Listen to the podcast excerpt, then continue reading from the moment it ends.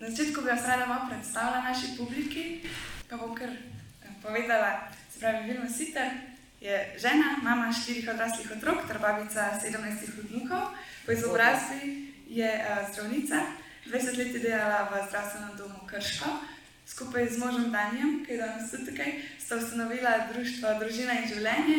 Skupaj sta leta 2017 prehodila Camino de Santiago, um, Vilma pa piše tudi za našo družino in za revijo družina in življenje. Potem um, Pater Damien Ristič je publicist, govornik in rektor jezuitskega kolegija v Ljubljani.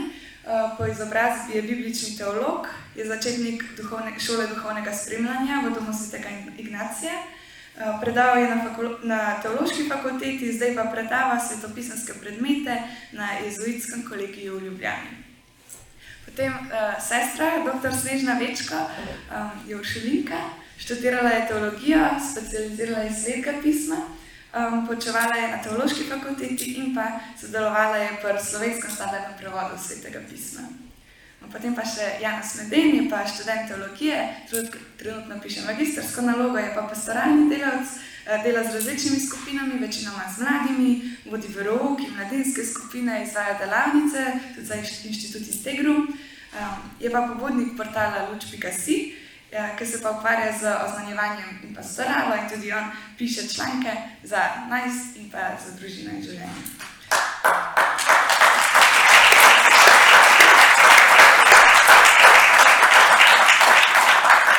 Mi se bomo danes pogovarjali o praktičnih vidikih branja svetega pisma.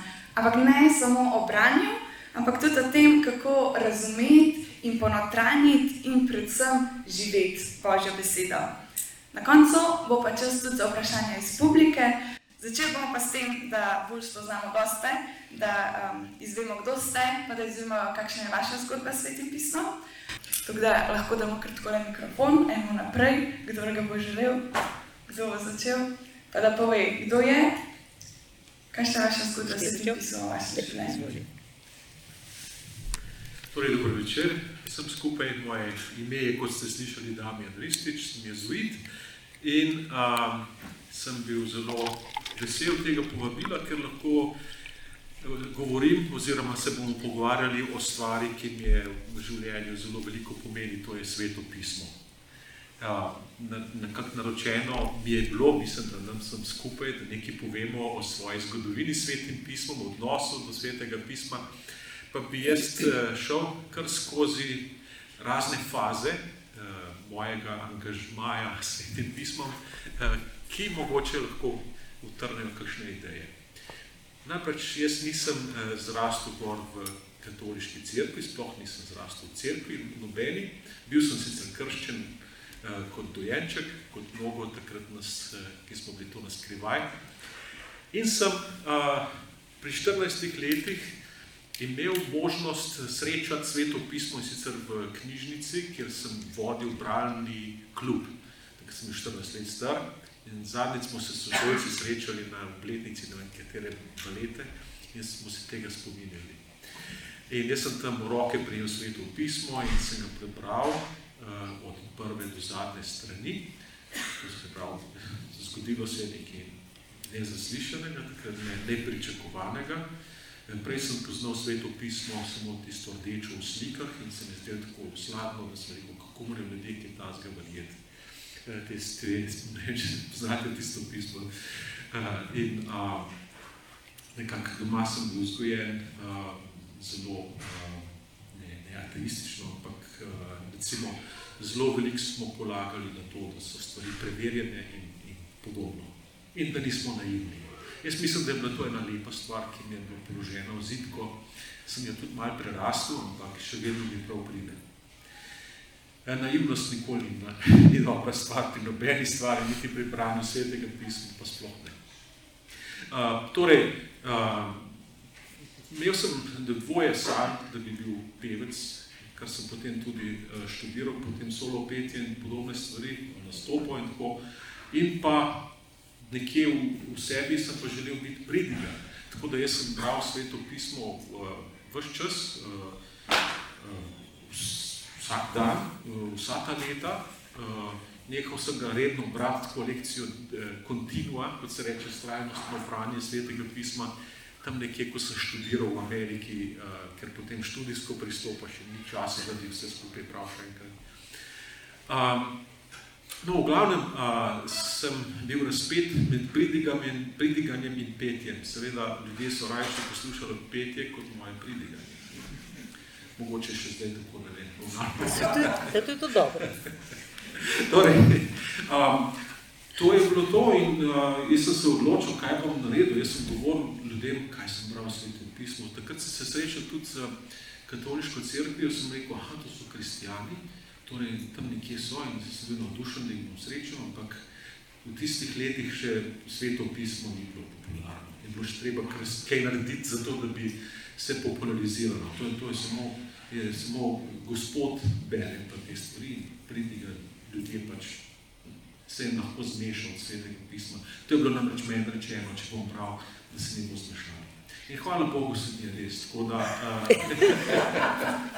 no, torej, um, moje branje si lahko predstavljate, je bilo, izobraževal sem se, prebral sem vse, kar je bilo v slovenščini uh, in pa zelo rad sem poslušal ameriške pridigarje po kratkih valovih. Po noči sem ponoz, pozno lovil, lovil te kratke valove in pridigarji so pridigali na svetopismo. Uh, tako se je nekje izoblikovali moj tist takratni pogled na svetopismo, kot svetopismo je res, resnično in stoji, in vsaka beseda je tako, kot piše. Uh, in uh, to je res in to ni res, črno-belo. Sveda sem imel svojih let, ki so bile, ki so bile zato značena, kot najstnik ali pa rekel zgodna 20 leta, je pristop k svetemu pismu, pač odkril sem resnico in to drži in noben mi ne bo rekel, da ne. ne? Seveda, to je en, en dober pogled, ampak je zelo naiven. Smo rekli, da ne smeš biti naiven. Uh, potem pa uh, sem se na neki točki odločil, da bom šel uh, študirati teologijo in sem se upisal v Osijek, na, takrat na evangeličansko, lahko se reče, evangelska fakultet je bil takrat, uh, na kar sem se spoznal tudi svetopisansko družbo, tam sem jim naročil en kup enih svetih pisem, ki so, za katero so še kasneje potem spraševali, kdo jih je naročil, da jih niso prodali. Uh, deset sem jih nesel s sabo na Madagaskar in jih tam razdelil kot neka mati Terezija ljudem in sem mislil, da sem en kaj naredil. Potem, potem sem naročil deset uh, pis, svetih pisem v ukrajinščini za ukrajinske prostitutke, ki jih bom obiskal in jih dal sveto pismo. Torej, jaz sem bil pripričan, da sveto pismo sami po sebi ima neko tako magično moč, to se pravi, če ga prebereš, potem se ti vse postavi prav. Ker sem imel to, nekako to izkušnjo, ne? zdaj sem bil toliko naivn, da sem mislil, da, da, da so vsi ljudje pač enaki, da to tako funkcionira. Na to sem se pa po Madagaskarju vendarle vrnil v, v Slovenijo, po srečanju s Petro Popeko uh, v, in sem se upisal na teološko fakulteto v Ljubljani kot laik. In uh, takrat sem spoznal pa en drug način branja svetega pisma, sicer ne na teološki fakulteti. Že sem bral uh, strokovne knjige pre, in, in uh, že prej, pred tem, in pa komentarje in podobno, to sem že bral. Uh, sem pa um, se srečal z poglobljenim poglobljeno molitvijo v svetem pismu, s tem, da sem šel delati ignacijanske duhovne vaje, oziroma duhovne vaje v tišini. To je bilo kar velik preobrat, se pravi, ne, ne hlastat po količini, ampak išči globino. To je bila tista stvar, ki, ki je zelo spremenila moj pogled na, na sveto pismo. Po drugi strani pa seveda je odprla eno novo naivnost in ta naivnost je to, kar jaz čutim, to je Razumetje. Um, do neke mere seveda je, ampak je treba se naučiti razločevati. No, svetopismo, ena stvar, ki sem jo potem kasneje ugotovil, je, da svetopismo, tako sem bil v Zambiji, no, tam sem spoznal z nekimi ljudmi neki protestantski crkvi pastor skakal po svetem pismu. This is not the word of God. Rekel, to ni, to ni Božja beseda pa dela. Ne? In potem, kasneje je rekla, ah, seveda, Jezus Kristus je Božja beseda. Se pravi, tako se vse skupaj zasluka. Jaz sem se, vidim, da je moj čas izteka. A ne? Skoraj? Ja? Skoraj. Torej, hitro. Uh, sem spremenil moj pogled na te stvari, kar precej. Uh, is, sem začel iskati Boga, bi rekel, skozi, skozi različne načine, ne samo skozi svetopismo. Svetopismo je postalo moja strast. Uh, to se pozna recimo po vsem mojem delovanju kot duhovnik uh, od, od svetopisanskih skupin v Londonu, pridiganja v Londonu, do uh, uh, potem začeli s vašim sinetom Benjaminom biblični maraton pri nas, v, v, ne se sta bila vidva tudi zraven, to je bilo, to so bili začetki in sem rekel, to je sicer Matjaš Senart začel v, v svoji župlji, tak mini maraton, pa sem zdaj rekel, zakaj pa ne bi to celo Slovenijo naredili in smo potem naredili tisti maraton. In zdaj to že traja in traja, jaz meni že zdavne ni več tam, ker nimam časa pa energije za to, ampak sem vesel, da je to populariziralo sveto pismo med katoličani in pa tudi zbližalo katoličane in nekatoličane med sabo, ker to, to je ekumenski, recimo potem v podvig. Naslednja stvar, izkoristil sem vsako priložnost, da bi sveto pismo predstavil tako ali drugače, mogoče en od načinov, ki je bil nekaj časa tista leta, ki sem to delal, lekcijo Devina na Radio Blišče, ne vem, mogoče bo vas poslušal, in pa sestavine življenja oddaja enoletna razmišljanja o običajnih temah s pomočjo svetega pisma. Vse običajne teme. Uh, in pa seveda potem sem študiral v Bostonu uh, biblično teologijo, delal potem nekaj časa na teološki fakulteti, delno predaval sveto pismo, delno druge stvari. Zdaj sem se pa vendarle ustalil na našem kolegiju jezuitskem, kjer imamo tudi izobraževanja, recimo na akademskem nivoju in uh, predavam sveto pismo. Sicer pa sem že v angleščini predaval sveto pismo vsa ta leta, 8 let v, na enem uh, predmetu, ki se je imenoval Bible Brew, spravi uh, sveto pismo ob pivu. Uh, prvo leto je bilo res pivo, celo pub. Uh, torej, to in še mnoge druge stvari, uh, samo to bi povedal, da, je, da je to taka stvar, ki je vredno raziskovati. Potem sem se vrgel v akademske vode, predvsem sem študiral največ pozornosti sem dal stari zavezi, pa vendarle tudi novi. Sem uh, navdušenec nad Pavlom, kar nekajkrat sem predaval Pavla pri nas na kolegiju in, in podobno. No. Toliko, da ne bom preveč. Upam, da nisem prekoračil časa. Bom jaz zdaj malo zmanjšala. Da bomo skupaj glih prav. No, bom kar jaz, zdaj mi je malo dal pogumano. Uh, kako sem jaz začela s svojim svetim pismom? Spomnim se svojih gimnazijskih let, ko sem nekako hrepenela potem celo, da bi začela redno brati svetopismo. Pa sem ga tudi parkrat začela, ampak mi to ni ratalo. Pač par dni sem strajala, pa nehala. Uh, no, potem v študentskem času, uh, ko sem pač bila v Ljubljani, sva se skupaj s svojo sestro uh, udeležile srečanj v eni štud od študentskih skupin. Štajerska skupina je bila to in tam smo tudi seveda prebirali svetopismo, dobivali smo se enkrat na teden in en odlomek potem debatirali. Ne. Jaz sem ga sicer prebrala, sigurno sem ga prebrala, ampak bila sem pa popolnoma tiho, vedno. Od teh debat od mene ni noben slišal enega glasu. Prvič mi svetopismo še ni govorilo, drugič pa mi je bilo tok neroden in sram, da bi jaz karkoli povedala. Uh, imela sem namreč zelo, zelo slabo samo podobo in se mi je zdelo, da boš, da sem tih, ne bo noben videl, kako ne znam nič povedati. No, dokler se me ni svetopismo dotaknilo na čist drug način, uh, ko sem bila povabljena na prvi seminar v Sloveniji iz prenove, se pravi, to je, bila, uh, to je bil seminar sedemtedenski o delovanju svetega duha.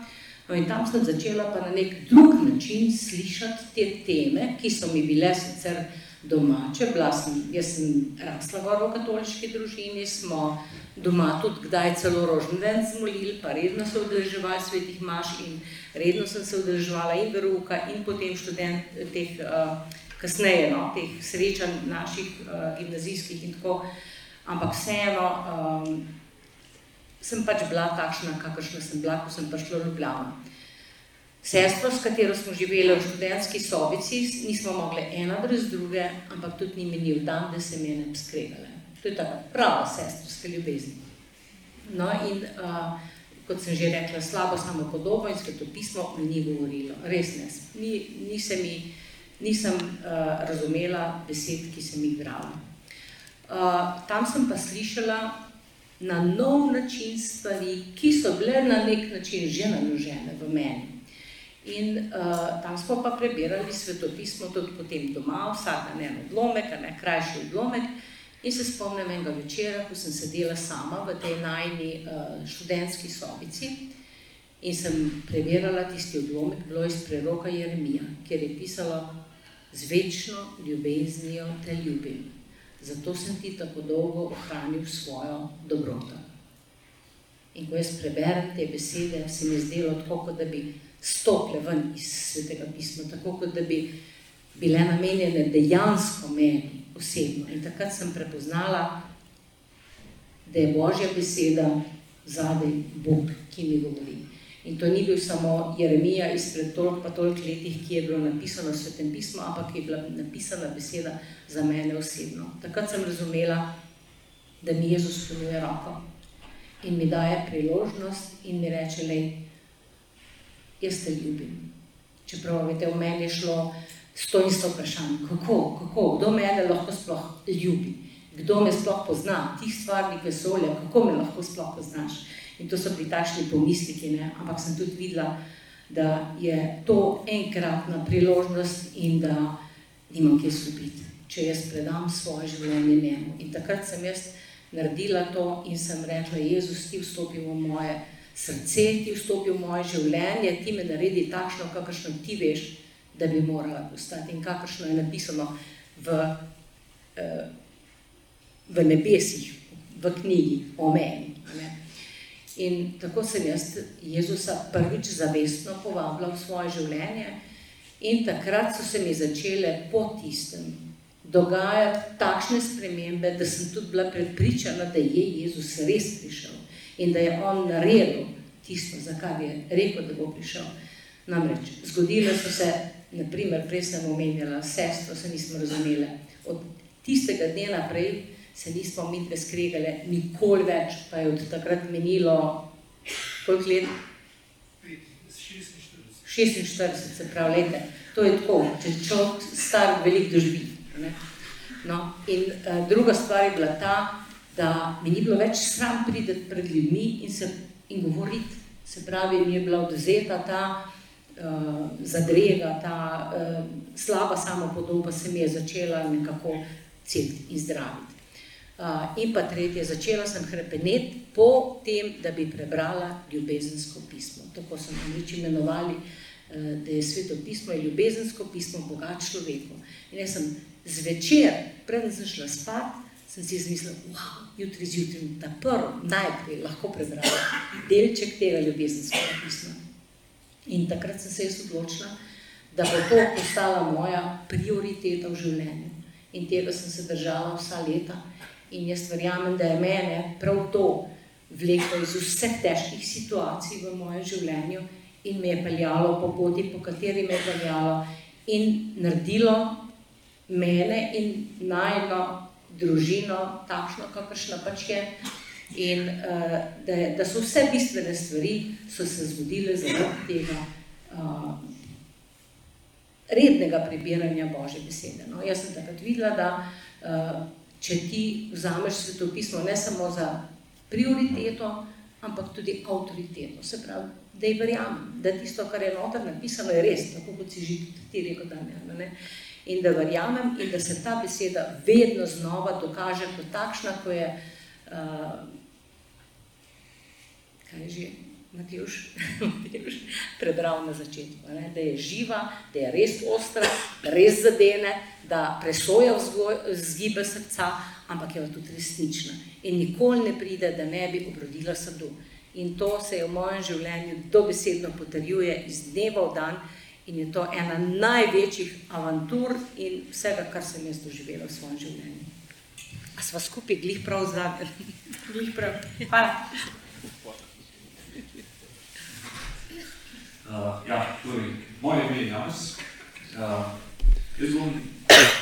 moja zgodba s svetim pismom v resnici najbolj povezana tako s mojo celo duhovno zgodbo. To bom poskušal bolj malo priplesti, da bo se skupaj imeli smisel. Uh, projekt sem bil odraščal v krščanski družini uh, in v bistvu je to bil en velik blagoslov in še vedno je, uh, da moja starša nista samo tako so včasih reči, bila neka tradicionalna kristijana, da smo šli na delo k naši, pa pa doma nismo tako živeli. Um, ampak sem nekako vedel, zakaj sem kristijan. Uh, in tudi, ko sem sprašal stvari o veri, pa zakaj bomo jih naši, so prišli nazaj neki smiselni odgovori. Z njimi se nisem vedno strinjal, ker so nišli na živce, ampak so bili neki smiselni odgovori. Um, in nekako sem bolj prostopil tudi do svetega pisma. Uh, je bilo pa tako, jaz spomnim, da sem že kot, kot majhen, ne vem, koliko sem bil strno, recimo tam tretji, četrti razred v osnovni šoli. Um, sem za šolce sprašal, a ti verjameš v Boga?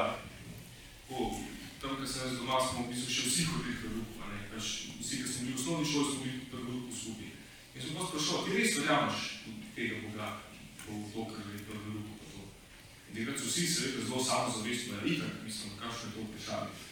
Jaz sem se pač sprašal, ne, in za me to ni bilo samo umevno, za me je bilo to vprašanje za njih je bilo samo umevno, zdaj pač ni več. Um, ampak, točno reči, vedno sem se sprašal o, o stvarih uh, glede vere.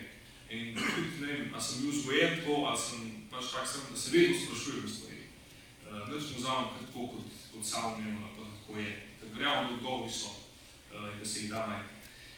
Um, no, ampak sveto pismo uh, sem nekako začel spoznavati, v bistvu prek tega rdečega svetega pisma s slikami. Um, Meni se je zdaj zabaven, uh, tako da sem malo videl, kaj se je dogajalo, kako je to izgledalo. Uh, in včasih imam še zdaj, no, ko hočem brati te zgodbe svetega pisma, imam pol te slike pred očmi, ker je včasih dobro, včasih je slabo, ampak um, pač imam jih. Um, pa risanke, uh, te risanke, ne vem, če ti to gledal, um, o novi zavezi, ki je bil fantek na kameli, ki je porazlagal te zgodbe svetega pisma. Um, in je zanimivo, kako imamo včasih še vedno zgodbo iz tiste risanke, čeprav ni čisto skladno s svetim pismom. Um, tako da jaz podpiram to, da se za otroke prilagodi sveto pismo, samo včasih je dobro narediti zgodbo tako, kot je bila v resnici, uh, ker jo neseš samo v odraslo življenje. Uh, tako, malo bolj me je pa začeti zanimati sveto pismo. Svoje prvo sveto pismo sem dobil pri Birmi, od svojega botra, Zdaj ne vem, ali je on tudi sicer podaril sveto pismo, ampak v naši župni je bilo tako, eh, da je kar župnik rekel, da morajo vsi potrebi svojim birmacem kupiti sveto pismo. Kaj je bila po mojem dobre ideje? Um, in takrat sem začel tako malo brati, uh, tudi jaz sem se odločil, zdaj ga bom prebral od začetka do konca in pomagal nekaj sred prve možnosti svoje knjige, ko so nekaj ure zanimive zgodbe. Um, pa pokaj se začne ponavljati, sem rekel, je vse isto. Sem to kar obupal in nikoli nisem prišel do konca, do, do faksa, tam sem pa se predrizel čez. Ampak malo bolj me začel zanimati v gimnaziji. In sicer zato, to je bilo povezano z, s tem, da sem prišel v stik s skupnostjo Mlade za Kristusa. To je bila, oziroma je še verjetno, karizmatična skupnost. To pomeni, da je zelo velik podatek na svetem duhu, na karizmatičnih darovih, na nevih jezikih, na slovenih in tako naprej. Um, potegnila me v bistvu glasba, uh, ker je pač bila tako malo sodobna um, in to mi bo všeč, ker sem pač tudi sam uh, glasbenik po duši. Um, ampak druga stvar, ki me je nekako potegnila, so bili te karizmatični darovi svetega duha, ker so ljudje kar nekaj govorili tam v jezikih, pa so rekli, da so tudi darovi prerokovanja, pa da pa sem jaz mislil, dobro, da če bom jaz veliko molil, bom po svet in to, pa bom jaz tudi lahko prerokoval. Um, in zato sem se podal na to pot svetosti. Um, in del tega je bilo tudi sveto pismo, se ne, ko smo pozdravili sveto pismo. Um, no in tam, na tem, na tega se spomnim, ko zelo živo, v tem prvem taboru, ko sem bil um, pač kot nov član te skupnosti, so molili nad mano za izvite svetega duha. Uh, in sem rekel, jaz sem zdaj to preveril, če to delam, če je svetega duha res zdaj prišel in, in ga imam. In sem odprl sveto pismo v enem odlomku, ki mi, ki mi nikoli ni bil jasen. Uh, in sicer uh, tisto odlomk, kjer Jezus pove priliko o krivičnem skrbniku. Uh, ne vem, če poznate v glavnem. Ta odlomk mi nikoli ni bil jasen. Uh, in jaz sem rekel, da oziroma jaz sem dobil tega svetega duha, bom to pogledal in bilo vse jasno. No, jaz sem tisto prebral, imel sem še zraven enega kolega, prijatelja, um, ki so nad obema molili pa so oba ti izdelala in se malo pogovarjala. Sicer so prišla tako nekam, recimo, da so dobila en odgovor, ampak ni bil zares dober. Um, no in je pa bilo, um, je pa ta trenutek, ne vem, zbudil meni eno zanimanje, uh, tako, da lahko jaz se sam lotam svetega pisma. Uh, zdaj ne vem, ali je bil to proti tega svetega duha in te molitve, ali to pač se zgodilo kar tako, ampak takrat sem dejansko prvič pomislil, pa se to lahko sam berem, pa razmišljam, pa sem, mi je dan sveti duh, da bi razumel, uh, da, da bi razumel, kaj bi hoče ta Božja beseda povedati. In pol je bilo tako, um, več uh, naivnih področji v mojem življenju je bilo, v mojem pristopu do svetega pisma. Uh, en je bil ta, da sem v svetem pismu iskal odgovor. Uh, in sem si rekel, zdaj jaz razmišljam, uh, ne vem, pač sem imel neko dilemo v življenju, kaj bi zdaj naredil, kako bi se odločil, in bom vprašal sveto pismo. In bom molil, in bom odprl tam, kjer se odpre, in to, kar bi bo Bog rekel, to bom naredil. Zdaj, zgodil se je seveda to, da ko sem odprl sveto pismo, ni bilo napisano nič časa, kar bi imel karkoli veze s tem, kar sem jaz prišel, kar me zanima. In potem sem tako, odpiral toliko časa, da mi je Bog nekaj rekel. Um, in to sem počel kar dolgo časa, uh, in potem sem našel še tako spletno stran, kjer sem lahko imel na, na ključno vrstico svetega pisma. Uh, in sem potem tam tripal toliko časa, da sem se strinjal s tem, kar je Bog povedal. Um, ampak, Ja, v tem sem pa nekako nehal, ko sem poslušal, ko sem poslušal um, enega profesorja svetega pisma, ki je rekel, da to ni dobro del, da je to nasilje nad svetim pismom. Da jaz mislim, da to ni nasilje nad svetim pismom, on je pač tako izrazil, jaz sem se zasekiral. Uh, in je rekel, da ne smeš v svetem pismu ti neke svoje ideje um, lansirati, ne? moraš ti se postaviti v, v držo, ko poslušaš, da, da hočeš slišati, kaj ti je povedal, ne? da zdaj ti iščeš, da boš potrdil to, kar ti že veš. Um, in potem sem se malo zamislil, sem rekel, da bom to drugače bral. Um, orodja, ki so mi pomagala nekako razumeti sveto pismo, so bila večinoma v angleščini uh, in to je tudi en, en od razlogov, ali pa en od motivov za te naše podkanje.si, um, da bi v slovenščini tudi kaj tazga dal od sebe, neko razlago sveto pismo, ali pa orodje, da se lotiš tega brati.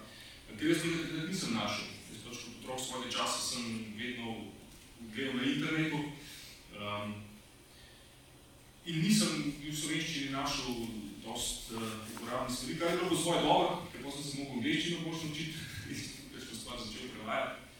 Um, ampak ja, naslednja stvar, pa naslednja stopna v, v tem mojem raziskovanju svetega pisma je pa bila, ko sem se upisal na teološko fakulteto, ko sem pa tudi duhovnik. Uh, jaz se na teološko fakulteto nisem upisal zato, ker bi hotel biti teolog. Uh, ampak tukaj sem hotel biti duhovnik. Teološka fakulteta je bila pač obvezna zraven tega. Uh, in nikoli nisem, ne svetega pisma, tudi drugih področji teologije, nisem hotel ali pa mi ni naravno pristopati do tega z nekaj znanstvenega vidika. In zato mi teološka fakulteta ni, um, ni glih pomagala. Mi je dala dosti dobrih orodij, ki jih zdaj uporabljam, ampak predavanja v svetem pismu, teološki, so imela ta učinek, da se je sveto pismo zamerilo. Da sem mogel vedeti tam, kje je, v kateri vrstici, v katerem poglavju je nekaj napisano in zakaj, in še v katerih drugih evangelijih, v katerih vrsticah se ta ista vrstica pojavi, zakaj in kakšen je kontekst. In meni to ni bilo naravno, meni to ni blizu. imam sicer po svoje dobro spomin, ampak ne na tak način. Um, zdaj, imel sem srečo, da sem s profesorjem svetu pismo dobro zastopil, z vsemi, ki sem jih imel, uh, nekoliko tako šlo skozi. Um, ampak ni, mi bilo to naravno in, in je sveto pismo v bistvu prek tega enega uh, dost mehaničnega, pa tako študijskega pristopa izgubili tisto živost, pa, pa izgubil sem željo potem, da bi ga bral. Um, kar mi je bilo škoda. In to željo sem pa ponovno dobil, to sem se srečal z delom Jordana Petersona, mogoče poznam, kot psiholog, v bistvu razlagal v zgodbi sedem pisma. In to je v bistvu dal en, en drug pogled na sveto pismo, na vse te zgodbe, ki so tam napisane, čisto iz tega vidika, kako so nastali. In to v resnici tako en ekstrakt doživeti ali pa čuten generacije različnih ljudi. Um, in itak, kot po teolog in, in veren človek, temu dodajam tudi uh, nekak duha. Uh, ampak mi je, mi je pa odprl en, en nov način, en nov pogled uh, na sveto pismo, ki mi je še vedno blizu. Uh, in zdaj pač kot, ko nisem postal duhovnik, uh, um, vsem pa delam v pastorali, kot je bilo rečeno, dosti z, z mladimi. In mi je zanimivo, vedno znova brati iste zgodbe svetega pisma um, in vedno znova najti nekaj novega tam. Predvsem počasi postaja sveto pismo moje. Uh, da, da nisem samo iz tisti, ki nekaj poslušam, ampak da je dejansko to potem pogovor, če to samo berem. Uh, to je nekak en kratek oris moje zgodbe. Pa še sestra. Za mene eh, je bilo pa tako en tak velik dogodek, ko je išlo v času mojih najsniških let eh, Mariborsko svetopismo z opombami. In potem sem se jaz v gimnaziji upisala na začetek katehetske šole v Mariboru, sedel je tudi v Ljubljani, skupaj smo imeli tako uvodno srečanje, pa duhovne vaje v Mariboru. No in potem eh, je začel potekati dopisni katehetski tečaj in tam je bilo eh, potrebno tudi, vse to so bili skromni začetki in tam je bilo potrebno eh, tudi brati sveto pismo, smo dobili, mislim, kar je bilo od začetka prvo, drugo, moj se solo knjigo, um, mislim, da ti dve knjigi, um, ali pa sem en del, mislim, nekaj od tega. In ker je bila takrat uh, ta mariborska izdaja svetega pisma, uh, mi je bilo zelo veliko odkritje, ko sem v opombah brala, spoznavala pomen tistih uh, besedil, ki sem jih prej pač dobesedno razumela, pa, pa mi niso tle tako zelo prepričljive, uh, ko sem pa v opombah brala, kaj pomeni, kakšna je ta not simbolika in uh, kako so povezana ta besedila med sabo. To mi je bilo pa tisto, s čimer se potem zdaj pravzaprav vse življenje uh, ukvarjam in se temu posvečam. Um, Kmalo potem, torej po gimnaziji, sem uh, pač v tem klicu uh, za redovništvo potem šla v uh, svojo redovno vzgojo in uh, po tej formaciji začetni uh, sem uh, se tudi upisala na teološko fakulteto, pa če dali so mi predstojniki to možnost, da lahko izbiram, uh, da bi študirala ali jezike ali teologijo in se mi je v tej primerjavi zazdela teologija neprimerno uh, lepša izbira, čeprav sem predtem sanjala o študiju jezikov. No in tako sem na teologiji pa imela priložnost se še pobliže srečati svetim pismom, ampak mi prav tista predavanja sama po sebi nisem toliko pomagala, uh, pač pa če sem naletela na kakšno publikacijo, ki jo je pa kakšen profesor napisal in se je spet tikala tega, da razloži pomen tega, kaj je v svetem pismu. In tako se spomnim, v ciklostilo je bilo skromno, v skromni publikaciji je bila um, taka pač objava uh, pri, uh, misterij Božje prisotnosti v svetem pismu. In tisto mi je bilo prekrasno, ker tam so bile razlage celo posamezne črke, uh, oziroma pre, predloga, predlog v, v posamezno besedo je imel že svoj pomen in je že spregovoril Eh, o božji prisotnosti v svetem pismu. In potem mi je bilo prekrasno razodevanje, ko, ko je bilo iz enega mesta svetega pisma v drugega eh, primerjave, podobnosti. In, in to mi je bilo že takrat zelo všeč. Potem je pa na Zagrebško katehetsko pastoralno šolo prihajal neki profesor, ki je veljal za kot malo liberalnega, ker je pač razlagal, Eh, stvari, da niso tako dobesedno se dogajale, kot je naprimer v stari zavezi zapisano in, in to so prihajale cele generacije sestr, ki so hodile na to katehetsko pastoralno in sem tudi jaz imela kdaj priložnost, da so me spustili, da je tisti dekan tega eh, dovolil, da sem tu šla in mi je res bilo eh, zelo, res zelo, zelo všeč to, to, eh, ta razlaga, kjer eh, je bila prepletenost med realnostjo, ki jo opisuje sveto pismo, pa njeno, eh, njen, pač njegovo simbolično vrednostjo, ki ima pa mm, še globi vtis na človeško življenje, na človeško dušo.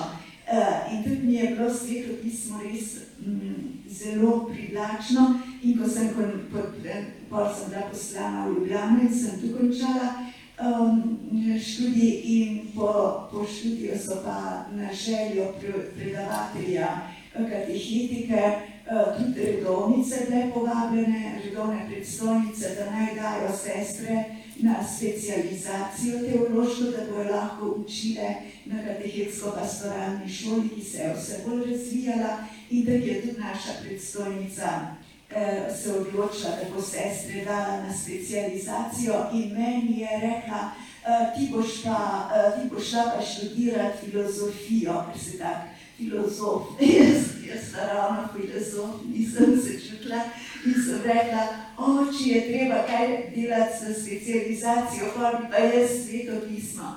In ona je rekla, se kako hočeš. In sem takole eh, začela to mojo specializacijo in takrat je ravno prišel iz svojega študija profesor Krašovec, ki so mi ga opisali kot strašno strogega, mene pa ravno to veselilo in sem pol šla k njemu se dogovarjati za svojo, mm, svoj tako diplomski študij in, eh, in sem pol to delala. Seveda sem sam ta študij, torej vprašal me je, kaj si želim za svojo eh, raziskavo in sem v smislu tega, kar me je že prej veselilo, rekla, eh, eno božjo lastnost, kako se skozi sveto pismo razodeva. In je rekel, ja, da to je prav, taka, da je to prava tema eh, za raziskavo. In ko sem šla od doma, um, sem po poti, eh, se spomnim, je prišla na misel beseda zvestova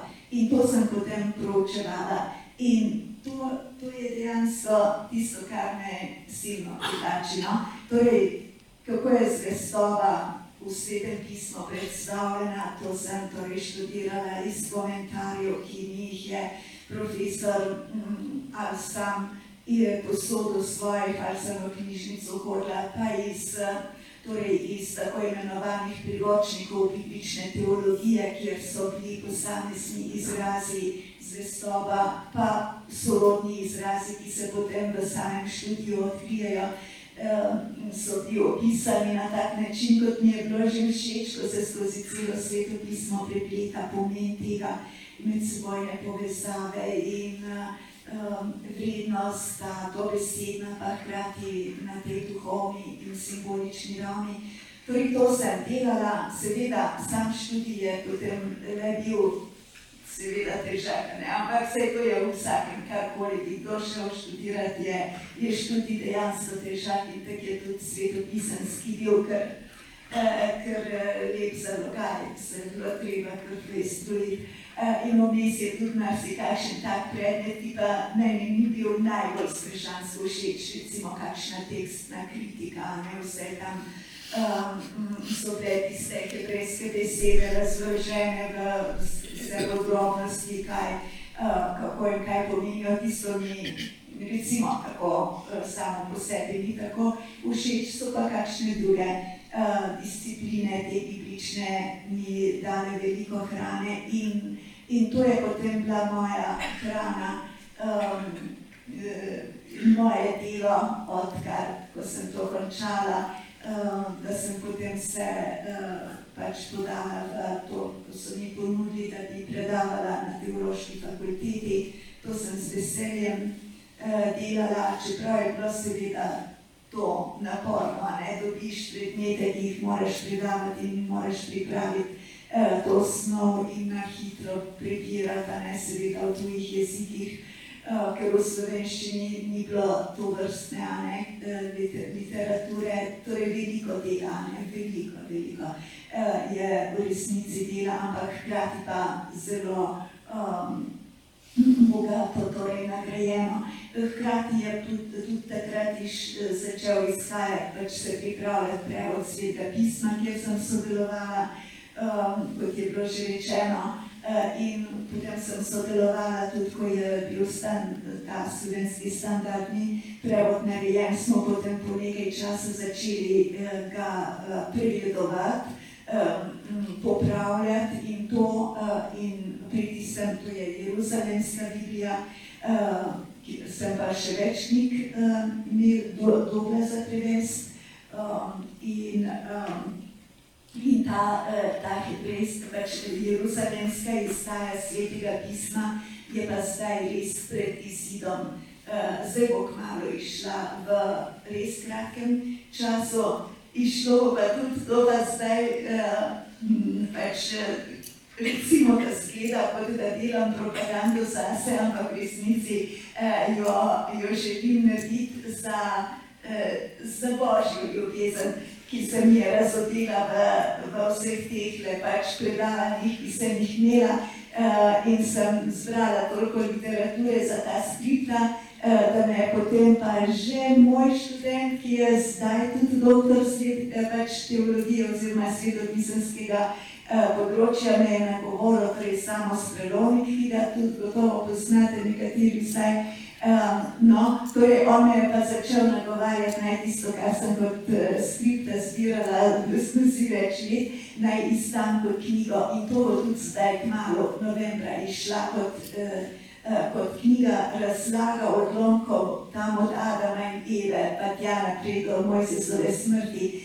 ravno tisto, kar sem kot eh, mlada tam gimnazika dobila za brat za tisto prvo ne, katehetsko izobraževanje pa teološko, uh, to, sem, eh, to bo zdaj išlo kot knjiga, ki bo imela, ki ima naslov iz dialoga, ki ga je, ki ga je imel Mojzes na Sinaju z Bogom, ko je ko je večkrat v tej svoji prošnji, da bi rešil Izraelce, ki so odpadli, a ne s tem zlatim telekom od Boga, pa je Bog sklenil, da je Bog kaznoval, pa je Mojzes ga tako prosil in je večkrat v tem dialogu prišla, če sem našel milost v tvojih očih, prosim, oprosti temu ljudstvu, pa to in je nasodnik, je milost v tvojih očih. Torej to, to je zdaj nekaj, kar mi, kar mi daje veliko veselje, da sem se potem lotila, da sem vse res poenotila za to, kar pač ne je za knjigo potrebno.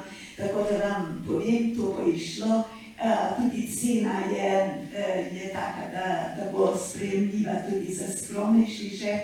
Uh, no in tam je, tam je pa tisto, kar, kar je za mene kot nekakšen res tak. Eh, izliv mojega srca, bi rekla, opis eh, vsega tega, kar je Bog delal. In eh, čeprav sem morala večkrat tole prebirati, sem se pravzaprav, preden sem se lotila spet ponovnega pregledovanja, pa preverjanja, sem rekla, o, že spet moram, ampak čim sem začela to brati, me je svet potegnila se, toliko je meni to, to čudovito, no? kar Bog dela in sem zelo srečna, da lahko uh, delam to, kar je, kar je mm, iz, eh, izraz Božjega življenja in njegovega delovanja. Hvala, da ste podelili svoje zgodbe. Zdaj pa zanima, zdaj smo pogledali nazaj. Kje ste pa danes? Kakšen je, eh, kakšno vlogo ima pa danes svetopismo v vašem življenju? Uh, mogoče kakšno metodo, če podelite, kako berete svetopismo ali pa, ja, kakš, kakšen vlogo ima svetopismo v vašem vsakdanjem življenju? Uh, to se pravi, v mojem vsakdanjem življenju je sveto pismo navzoče. Jaz sem se zares vrnil na nedeljske pridige, tako da, da meditiram odlomke svetopisanske čez teden in skušam jih spraviti v nekaj, kar bom v nedeljo povedal in potem na neki točki odneham, omagam, nekaj, nekaj stvari vem, nekaj ne vem, potem pa spišem, tik preden grem na za oltar oziroma pred ambon in potem predavam. To, to bi rekel najbolj konkretno. Sicer pa seveda v, v okviru tega, kar predavam, uh, ena stvar, ki ste sestra rekli, to se pravi, kolikor je, bi rekel, iz, izjemno zanimivo, uh, posebej prva Mojzesova knjiga, se pravi, geneza, uh, stvarjenje in vse to, tega ni konc, nikoli ni konc tega. To je nemogoče. Res ne vem, koliko sem že komentarjev prebral. Vsi komentarji so genialni na svoj način. Tega sem nikoli, te prva tri poglavja že samo, nikoli sem ni konca, neverjetno. No? V glavnem, zdaj se trenutno najbolj s tem ukvarjam. ja.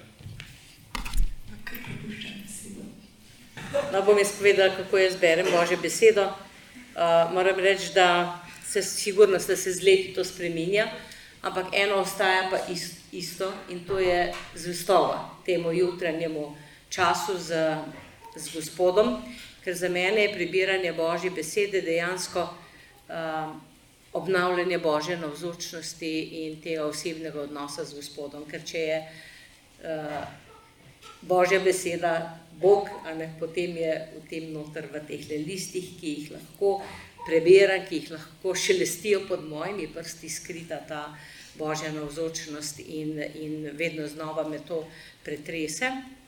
Uh, in dejansko pa tako, čist konkretno, evo, ker vse je tukaj neki mladih, ne, da bodo dobili kakšno idejo, kako se tega lotiti, tisti, ki nismo glih na fakultetah, v teoloških fakultetah, ko živimo vsakdanje življenje, to mislim reči, takšno, laično, Um, najbolj pomembno se mi zdi to, da se človek trdno odloči za to, ali bo bral ali ne, seveda, ampak Bog je milostljiv in usmiljen, tudi če ne vem, koliko nehamo, lahko vedno znova spet začnemo. Uh, je pa res, da se ti začne na nek nov način odkrivati globlja resnica, o kateri tudi vidva zdaj tako lepo pripovedujete. Uh, šele takrat, ko res ti tako z ustrajnostjo in redno stopaš v te vsebine. Ne? ne samo kdaj pa kdaj pogledati, mogoče mi ima pa Bog ki zapovedati, ne? tako kot je lepo Janes uh, podelil. Ne? Vsi smo šli tudi čez takšne faze. Ne? Uh, se pravi, zjutraj se najprej usedem v tisti svoj majhen kotiček, kjer imam uh, rezerviran prostor zame, se pa spomnim, da ko sva imela še garsonjero v Ljubljani, je bila to straniščna školka pokrita, ker ni bilo drugje prostora najti. Se pravi, prostor ne sme biti problem, ne. si ga je treba najti. Ampak tam, kjer pač uh, je nekako moj prostor, uh, kjer se jaz srečam s svojim Bogom in svojim svetim pismom. Uh, tako da prižgem si svečo, zdaj si v teh starejših letih si lahko prižgem svečko, uh, vzamem v roke hard copy, se pravi svetopismo, za mene ima to še zmeri čisten drug pomen, kot pa če ga berem na telefonu, ki ga imam tudi, zvezek in svinčnik, naredi pri meni vso razliko, v vsej stvari. Jaz imam namreč problem, da se zelo težko skoncentriram na eno stvar in ker se vsako jutro pač zbujam s sto in sto idejami, skrbmi, uh, A veste, pri tolikih otrokih, pri tolikih vnukih imaš za kaj skrbeti in se ne neha. Ne?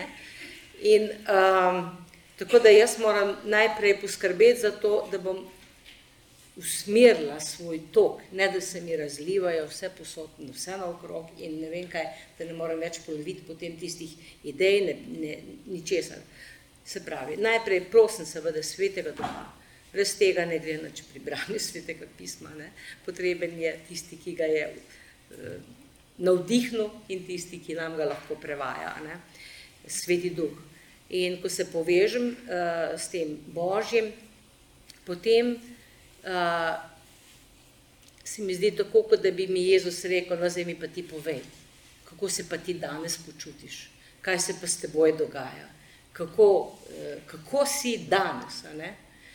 In jaz začnem kot odgovor Jezusu pisati svoje občutke, svoje, ne vem, uh, tisto, kar me muči, Eh, kadar se mi dva z možem skregava, nastane to par strani, kadar je kaj lepši, je da sem ena stran, razumete, odvisno od tega, kaj se mi dogaja. Ne?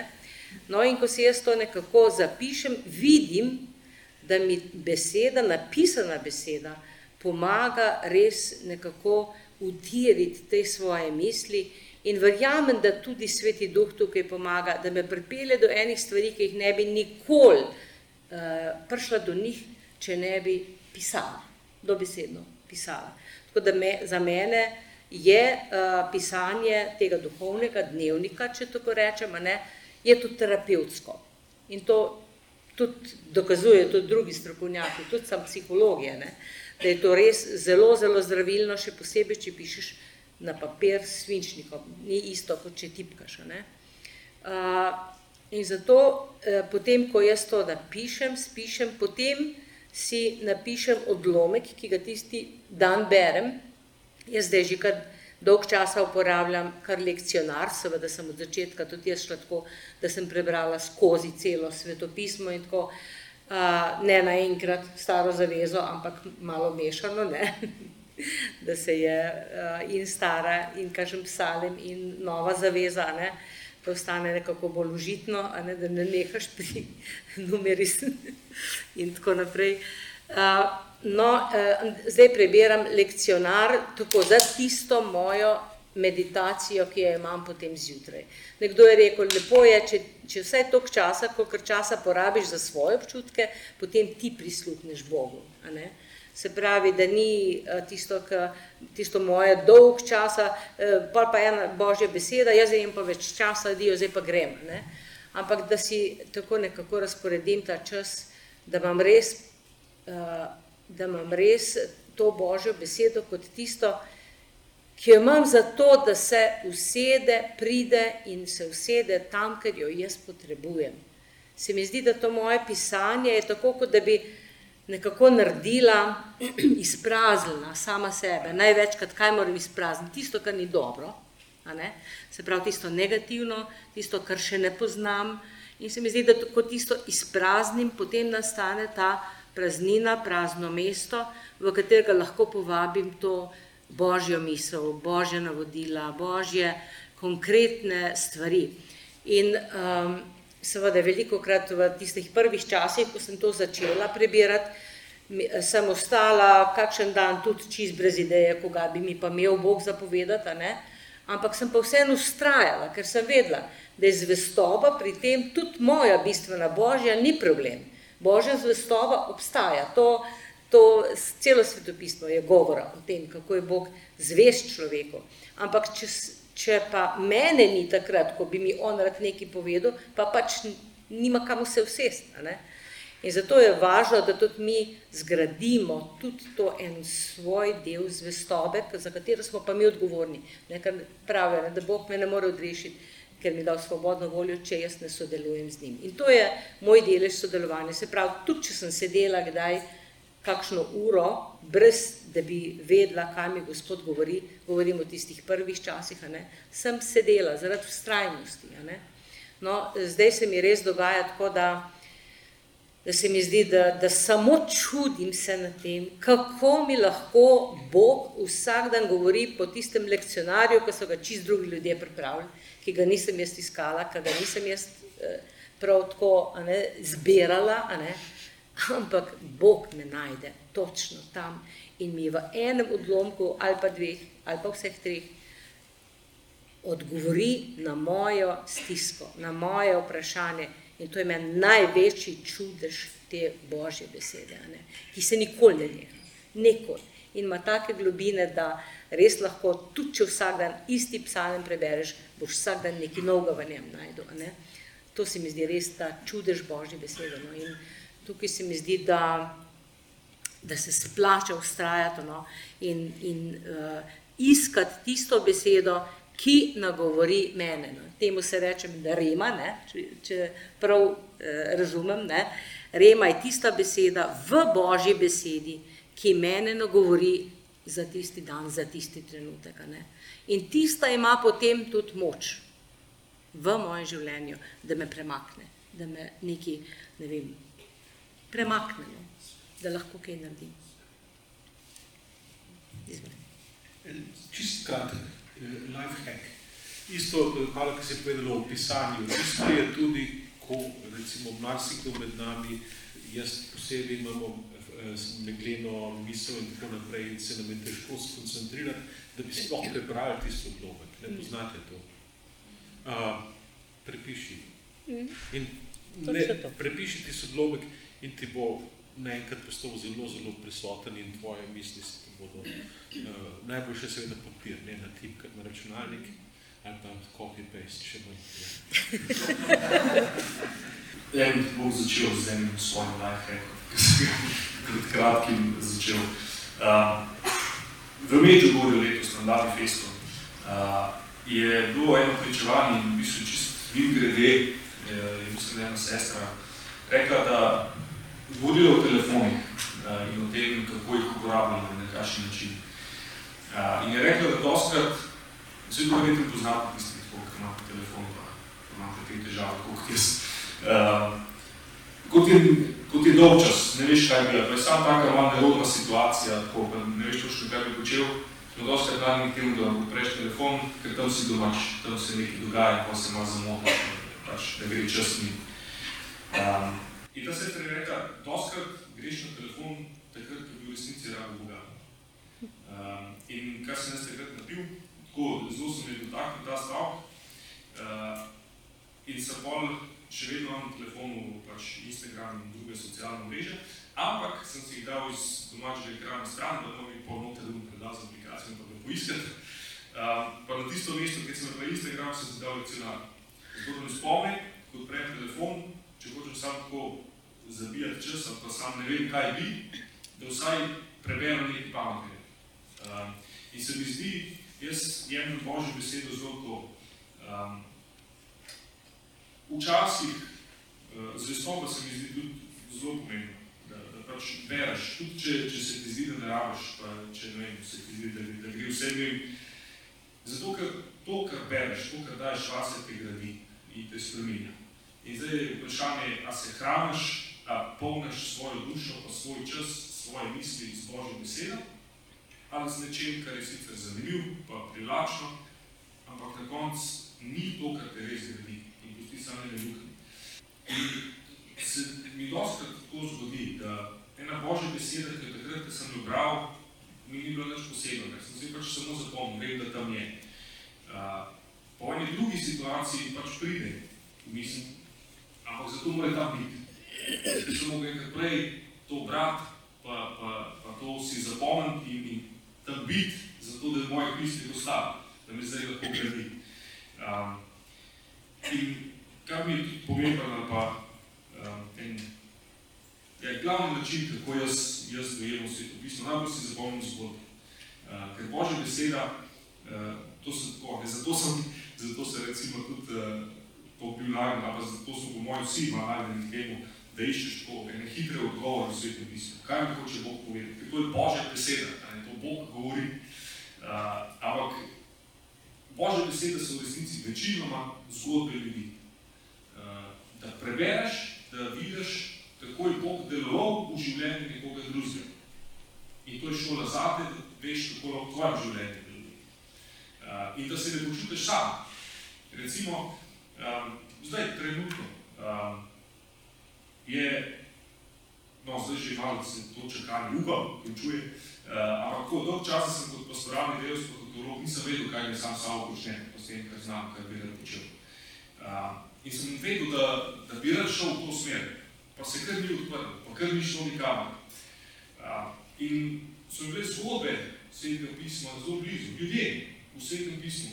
Uh, ko sem bral o kralj Davide, recimo, en tak, uh, ko sem jih zdaj, to je bil en tak primer. Ko sem ga bral, bili bi to blizu, pa ko sem razmišljal, mi je padlo na pamet in sem šel še enkrat kratki gol zgodbo. Ki je bil že baziljen za kralja, bil je v bistvu po vseh pravilih kralj in ga pošljajo nazaj med pastirji. Uh, in on čaka. On se v bistvu ne pritožuje prav zelo veliko, ampak kot kralj v bistvu prevzame vse funkcije od pastirja, pa do svobode in tako naprej, to, kar v resnici ne postane kralj. Uh, in ena taka zgodba dobro, se, jaz sem sam in Janus, on je bil kralj David, pa bi Bog tudi počas pel nekam. Uh, in se mi zdi, ko, to je nekako trenutno um, moj glavni odnos, moj glavni branje sveta pisma, so v bistvu ljudje, ki so noter. Kako, kako so oni živeli, pa kako je Bog z njimi živel. Uh, jaz bi temu samo dodala, da je, uh, da je ta nemški uh, judovsko, nemški filozof Martin Luther rekel, uh, srečanja med Bogom in človekom v svetem pismu so napisane zato, da prebujajo nova srečanja. In to se dejansko ne dogaja. Uh, no, mi, sestre, imamo to, to srečo, da imamo kar v našem dnevnem redu meditacijo vsakodnevno. In um, skozi vsa leta sem za meditacijo pač imala uh, sveto pismo in sicer res lekcionar, ki ga cirko sama predloži uh, kot to vsakdanjo hrano in to je zdaj uh, že vse skozi. Ne? Da ta meditacija se, v njej se posvečam Božji besedi ali berilo ali evangelijo psalmom manj, ampak tema trema odlomkoma. To sem torej dolga leta večinoma res samo to in sicer mi je veliko pomagalo to, kar pa smo v ignacijanskih vekovnih vajah spoznavali, da meditiraš tako, da postaneš del tistega odlomka, ki je, se uživiš, kot da si ena od oseb, opazuješ dogodek, se uživljaš res kot nekdo tam prisoten in to je zelo močna, močna pomoč za doživljanje svetopisanskih besedil. No, zadnje čase sem pa začela tako, da ne porabim cele ure za, za to Božjo besedo, ampak da zraven imam še kakšnega svetnika, njihove lastne, njihove lastne besede, to, ko opisujejo razni taki mistiki, ki opisujejo pač svoj odnos z Bogom in tam, tam se odkriva spet pa res, kako pa nekdo, ki je svetnik, kako pa tisti doživlja Božjo besedo, tam so pa tudi prava čuda, uh, kaj, kaj najde v, v svetem pismu in sploh kako ga v vsakdanjem življenju um, udejanji. Uh, in tako da potem pridružim zraven temu še torej takle besedila mistikov, svetnikov in mi dajo veliko hrane. Dobro. Um, večkrat se nam pa zgodi tudi, da ko beremo sveto pismo, če se ne razumemo. Kaj pa vi takrat naredite? Kje pa vi iščete znanje o svetem pismu, ki imate kakšne vere, zato da razumete? To se pravi, jaz sem kar nekaj literature, veliko knjižnico in to zelo pomaga. Sicer pa je, uh, če, ne vem, če poznate Bible Project na internetu, uh, to so zelo dobri, uh, rekel, vodja, pa pregledi tega, kaj je v, v svetem pismu. In jaz to priporočam, tukaj to niso naivna interpretacije svetega pisma, je v zadnji veliko raziskovanja. Uh, je pa tudi, kako bi rekel, če se bojite tega, da bi šli globoko sveto pismo študirati, da boste izgubili vero, tukaj, tukaj je pač rekel, ne boste, ampak mogoče dozorela malo drugače. Um, to se mi zdi tako, bi rekel, v Sloveniji, da je to zdaj najbolj dostopno, ni sicer v slovenščini, no, to je res, ampak uh, uh, pa imamo komentarje, imamo opombe, imamo mogoče, lahko se s kom pogovarjate, ki se spozna. A imamo kakšen forum, da se lahko ti stvari vprašam, obstaja? Ne, še ne. Beseda med nami, ne, tudi lahko pomaga. No, ja, kakaj. Ja, beseda med nami tudi lahko marsikomu lahko olajša to prvotno eh, spoznavanje s svetim pismom. Ne. To je ena publikacija, ko jo družina izdaja za dva meseca skupaj, je v eni knjižici in v njej je za vsak dan uh, en odlomek iz lekcionarja uh, razložen na takšen zelo zanimiv način in ti zelo približa uh, in razloži svetopismo. Tako da kdo se loteva na, sploh na novo, pa tudi, tudi kasneje, zelo, zelo prav pride. No? To je beseda med nami, na družini se naroči. Ja. Vi ste me pa spomnili na ono, kar je tudi v slovenščini, na Faustijeve ja. razlage evangelijev, ja. um, kjer, uh, ki so nastale, prav to se pravi Silvano Fausti, italijanski jezuit, uh, je skupino ljudi, lajkov, ki so skupaj prebirali vsak dan uh, tako svetopismo kot lekcijo divina, je iz tega prebiranja in skupnega meditiranja nastala potem zbirka vseh, torej razlag vseh štirih evangelijev. Ne vem pa, če se dobi. Ja, a ja, če je že pošlo. A ja, je verjetno, ja. Mohorjeva knjiga je, ki je založba je izdala. No, treba reči, da morda ponoviti stanje. Ja, jaz pa grem na internet. Uh, sicer je res škoda, ne. Uh, Bible Project je en del je preveden, uh, projekt Sveto pismo, uh, zavod 3.com je nekaj tega prevajal. Sicer je meni bi bila blizu knjiga Vali ključ Svetega pisma, ki je verjetno tudi že dolg ni več v založbah. Kar meni pomaga v angleščini, uh, je tako za malo bolj študijsko usmerjene ljudi Bible Hub, uh, ki je tako, večino prostovoljski projekt, uh, kjer lahko vidiš oziroma najdeš vrstice ali pa sveto pismo v originalnih jezikih uh, in pa tudi do besedni prevod besede po besede v angleščino, tudi smo podavci, da vidiš, kje se te besede pojavljajo še kje druge, če slučajno koga zanima na tak način. Sicer pa World on Fire, bi še poberala, um, angliščini, v slovenščini pa res zaenkrat. God question še. Uh, ne vem, ne vem, če imamo že kaj, se mogoče pa iz publike rekel, da se lahko pa mogoče za vas. Ja, jaz bi še, preden bom došel od vas, kaj rekel, bi dodala, kaj še imamo v slovenščini. Uh, slo, torej, biblično gibanje izdaja revijo Božja beseda danes ki je posvečena prav razlagi svetega pisma, izhaja trikrat na leto, uh, ja, trikrat, in noco, noco dejansko razlage svetega pisma, naj si bo tako uh, klasično exegetske, naj si bo potem pa takele, uh, kjer uh, je aplikacija na življenje iz izkustva ljudi, ki se posvečajo res branju in poglabljanju svetopismo, to je iz življenjskega izkustva. To je ta regija Božja beseda. Danes se lahko torej, naročite. Potem imamo, torej začenši s profesorjem Maksimilijanom, sedanjim šlofom Maksimilijanom Matjažem, ki je zahteval te ne, citate v vseh evangelijih.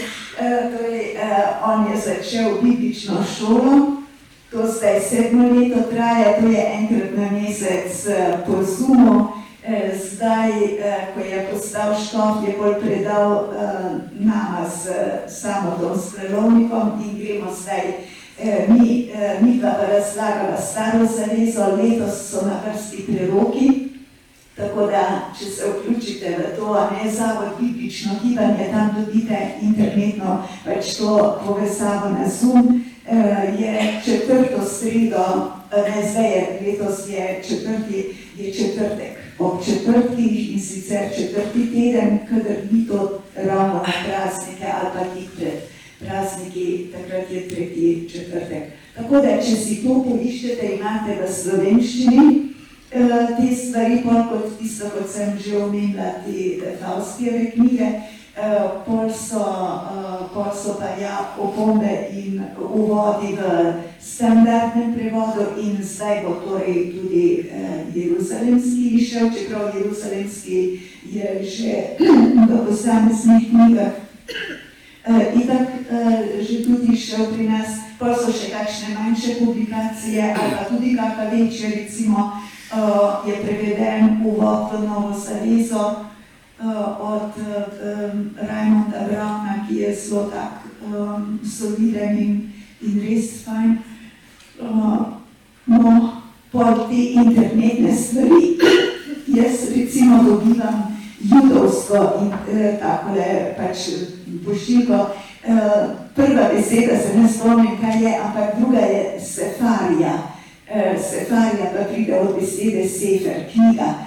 In tam so, tam so fajn seveda judovske razlage, ki so enkratne judovske razlage svetega pisma. Res tisto je, tisto je to danes vse bolj in bolj eh, cenjeno v biblični znanosti judovske razlage, ker, ker zopet tam se res v vsako besedo um, poglobijo in jo poiščejo v vseh povezavah v svetem pismu.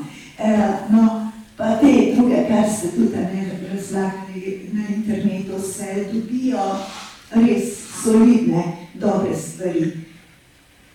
Uh, pa še bom naredil malo reklame za nas.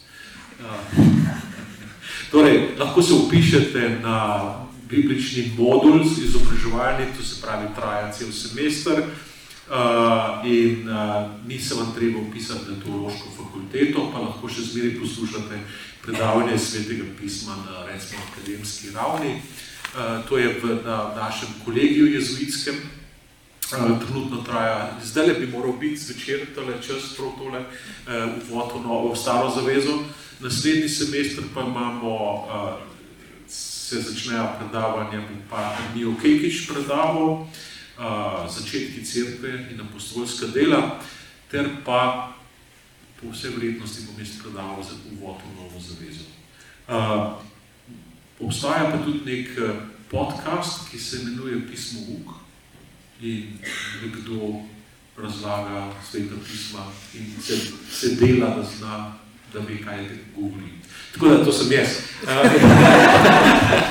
Lahko najdete na Anchor podcastih še jaz malo nazaj. No, tako, eh, ena beseda enega sproži asociacijo, da se spomnimo kaj takega. No, eh, tisto, kar pa tudi obstaja, je pa kot druga stopnja katehetsko-pastoralne šole, je biblična specializacija, ki pride, eh, ki se izvaja vsake toliko let. Eh, tisti, ki končajo torej, to eh, katehetsko-pastoralno šolo, Eh, ponavadi nadaljujejo, ta traja dve leti, pa ponavadi nadaljujejo s katehetsko specializacijo, da se usposobijo za učenje veuka. No, vsake toliko let je pa biblična specializacija, kjer se pa usposobijo za eh, vodenje bibličnih skupin. In zdaj tokrat traja, ampak v tem letu je drugo leto tega, te specializacije, je tudi po sumu pa uh, nared, bolj naredko je pa um, kot vikend. Um, no in uh, toliko, da veste, da to je tudi v Sloveniji, da, da so taka več res bolj um, predavanja um, tako na akademski ravni. Lahko kar obdržite mikrofon, ker me pa zdaj zanima eno posebno vprašanje za vas ki ste študirali sveto pismo, ki ste tudi doktorirali eh, iz tega, kaj bo pa za vas pri študiju najtežji oreh? Uh, ja, uh, tak trd oreh je, ker ta metodologija, različni pristopi razlag svetega pisma. To, te razne metode in pristopi, ki, ki obstajajo in so vsak zase, so dejansko zahtevni. Recimo, en tak pristop, ki je zahteven, je zgodovinsko-kritična metoda. Um, tako se poglobiti, poglabljati vanjo zahteva res uh, v pogled v intekstno kritiko in literarno in vprašanje ustnega izročila, vprašanje redak zgodovine redakcije, uh, potem vpliv besedila na, na bravce oziroma ne, na, uh, ja, na to, kako deluje Božja beseda uh, tekom zgodovine na bravce. Skratka, te metode, katerim, ki je, ki je torej ta že sama po sebi uh, tako zahtevna in je zahtevala oziroma izzvala od začetka, ko se je začela širiti, je v katoliški crkvi izzvala tako nasprotovanje, ker je izrasla iz liberalnih protiverskih teženj, posneje je bila sprijeta, zdaj je cenjena, ker je, ker je to biblična znanost, pač biblicisti so odkrili, da, da sama po sebi ne nasprotuje um, Božji besedi. Temu so se pa pridružile potem še različne metode, ki izvirajo naj si bo iz eh, literarnega pristopa, to se pravi podoben pristop, kot velja za, uh, za vse so, torej za literaturo, splošno literaturo se aplicira tudi na študij svetega pisma, potem so pristopi, ki izvirajo iz uh, sociologije, iz psihologije, psihoterapije, iz raznih gibanj, družbenih, feministično gibanje. Vsi ti pristopi, ko če vzameš kakšno knjigo, kakšen zbornik, recimo predavanj, pa člankov, ki jih je, ki so zbrani pod nekim, so dejansko to zelo zahtevna besedila, da, da jim slediš in posebej, če, če veš, da, da moraš tudi ti sam nekaj takega napisati. To je pa sploh težko, ne? ker časa pa primankuje, ker, ker pa m, prihajajo prošnje za razne takele revije, publikacije, eh, kjer naj bi pisali članke in potem se recimo za to odločim, eh, ker vidim želja urednikov, urednic je, da približam sveto pismo širšemu bravstvu in se potem poglobim, pa tisto pišem, hkrati pa vem, da kakšen moj bivši mentor Krašovec se pa jezija, ne, da recimo eh, ne pišem znanstvenika, ne, prispevkov, ki pa zahtevajo veliko časa, sem dajo seveda uh, tako globoko veselje, so, je pa zahtevno um, to vidim kot nek tak oreh, grd oreh. Dobro, pa še eno vprašanje za Janeza.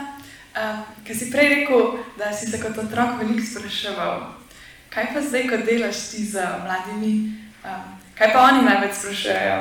Kaj so pa mogoče najtežje vprašanja, ki jih zastavljajo? Zdaj, ne vem, kaj so najtežje. Uh, zdaj odvisno, koliko so stari te mladi, ker mladi je kar tako široka skupina. Birmanci imajo ponovati vprašanja, tako, spoh, kakšen se najde, ker se mu zdi, da je zelo bister in duhovit. In to sprašuje, kako če sta Adam pa Eva imela dva sinova, kako je za človeški rod šel naprej? In pa moje prvo vprašanje, a če bi bil, če bi bil fant pa punca, se pravi, če bi bil brat pa sestra, pa bi bilo pa v redu, tudi sam. No, in bolj pač prijemo na, na to simbolni pomen svetega pisma, da ni, če vse je dobesedno res in da niso vse knjige zgodovinske in tako naprej. To so tako taka osnovnošolska vprašanja. Um, pri starejših mladih, da ja, ne vem, kaj bi bila najtežja vprašanja, uh, ampak ponavadi gre za vprašanja o podobi Boga, kakšen je zares Bog. Uh, in to je v bistvu vprašanje, ki je vedno novo za vsakega, ki bere sveto pismo. Um, In zanimivo je, ko začnejo povezovati, uh, se pravi to sploh če, če iz katoliških krogov izhaja. Nekako to podobo, ki prije iz cerkve, iz liturgije, ampak vsem da neko težo svetmu pismu. Uh, in pa so vprašanje, recimo, zakaj, kje v svetem pismu uh, najdemo, da se duhovniki ne smejo poročiti. Ali tako vprašanje, ki so v bistvu zadnje tradicije v cerkvi, ki so nekako nadgradne ali pa ekstrakt iz svetega pisma uh, in v bistvu zanima, kje je zdaj to na svetem pismu temelji. Uh, ker je zanimivo, da še vedno doskrat jemljamo sveto pismo kot neki trdnek, to, to stoji. Zdaj vse ostalo je pa pač tako malo za zraven, je ali pa ni. Uh, pa ni vedno tako, ne. Je sveto pismo ena osnova, druga pa pol izročilo. Uh, in običajno se tako vprašanje mladih uh, pride iz tega področja med, med oboji, uh, kako se to dvoje povezuje. Pa kako nekako nam je privzgojeno, pa že iz, iz same besede, sveto pismo ali pa Božja beseda, pride tako občutek, da to je trdno, da to drži, to moramo poslušati. Uh, vse ostalo je pa tako, potem se pa lahko sprašujemo in pol išče v bistvu odgovore na stvari izročila naše katoliške tradicije v svetem pismu. Uh, in je to izziv tudi za me vedno znova uh, in mi je dobro, zato je tudi lepo delati z mladimi, imajo vprašanja, ki jih ne pričakuješ um, in te posilijo, da, da iščeš, da brskaš. In tudi niso zadovoljni, ko en odgovor, s katerim sem jaz zadovoljen, ki mi je čisto v redu, ni nujno prepričal nekoga, sploh ki ima malo tega mladostnega ega in se ne pusti čisto zadalaš prepričati, ker tako uh, In to, to je dobro. Kaj pa uh, pri spremljanju mladih in tudi sicer, um, kakšno vlogo ima pa tam sveto pismo? Ja, tukaj smo že kar nekaj stvari našteli. Uh, jaz mislim, sam zelo se trudim, da gre z roko v roki, tako bi rekel, ta metoda ali pa bi rekel način, meditativni način branja, z, povezano z poznavanjem svetega pisma nasploh. Ker drugače je res hitro zelo, kako bi rekel, na pol vraževerno lahko vse skupaj. Um, tako da um, je zelo pomembno poznavanje svetega pisma, neke osnove biblistike so, so nujne. No, sej deluje, jaz sem bral tisto sveto pismo, nisem pojma imel o tem, ne, Bog kako že deluje, deluje. Ne. Uh, sicer pa je ogromen, se boste strinjali, vsi imate izkušnje s tem, je treba poslušati, se je treba pogovarjati. Uh, recimo, treba je videti, da mladi grejo skozi razne faze. Recimo, zdaj tista faza, kje to pa piše, ne? potem je res na neki točki premine, zato ker uh, vendarle mi nismo uh, religija knjige, kot smo rekli, smo religija osebe, Boga, Boga ne? knjiga je pač takšna, kot je in, je, in gre vse smeri. Ne? Uh, in če dobro poznaš neke literarne vrste in podobno. Tako zato, eno od razlogov, zakaj v našem kolegi tudi imamo biblično izobrazbo, je to, ker k nam hodijo mladi delati duhovne vaje in je dobro, da imajo neke osnove biblične tudi tako naprej. Mogoče je to nekakšno drugo pod vprašanje, da mišljeno sem. V redu, hvala. Zadovoljivo. um, kaj pa potem, kaj prijača za zakon, pa družinsko življenje, kakšne ima tam vloge svetega pisma? Ja, jaz mislim, da um, Janez, ti si tako lepo rekel, ne, da imajo mladi, da še vsem svetopismo stoji, ne, pa da ljudje temu verjamejo. Jaz pa verjamem, da če zdaj več ljudi, ki se zelo prešujejo prav o tem, ali je avtor, svetopismo še avtoriteta in ne verjamejo več temu, kar je v svetem pismu in teh ljudi je čez dali več. Ne. In zato se mi zdi tudi prihaja v našem svetu do tašne zmešnjave, kakršna je, ne, kaosa, zmede, ne, In se mi zdi, da je prav svetopismo res kot tisto eno vodilo, ne? Kot ena tista smer, ki, uh, za katero vemo, da gre v pravo smer. In uh, ko se pa dva poročita in ko uh, ustvarta družino, se mi zdi, da je pa to še toliko bolj pomembno, da, da nista prepuščena toku tega sveta ker uh, v tem toku sveta pač tudi sam odnos med možem in ženo ni treba, da bi bil za celo življenje. Ne? Zakaj pa? Dokler, dokler te rabim, dokler uh, si mi všeč, dokler je med nama uh, adrenalin, ne? takrat ja, ne? pa pa zamenjaš, ne? tako kot se pač vse naredi zdaj. Ne?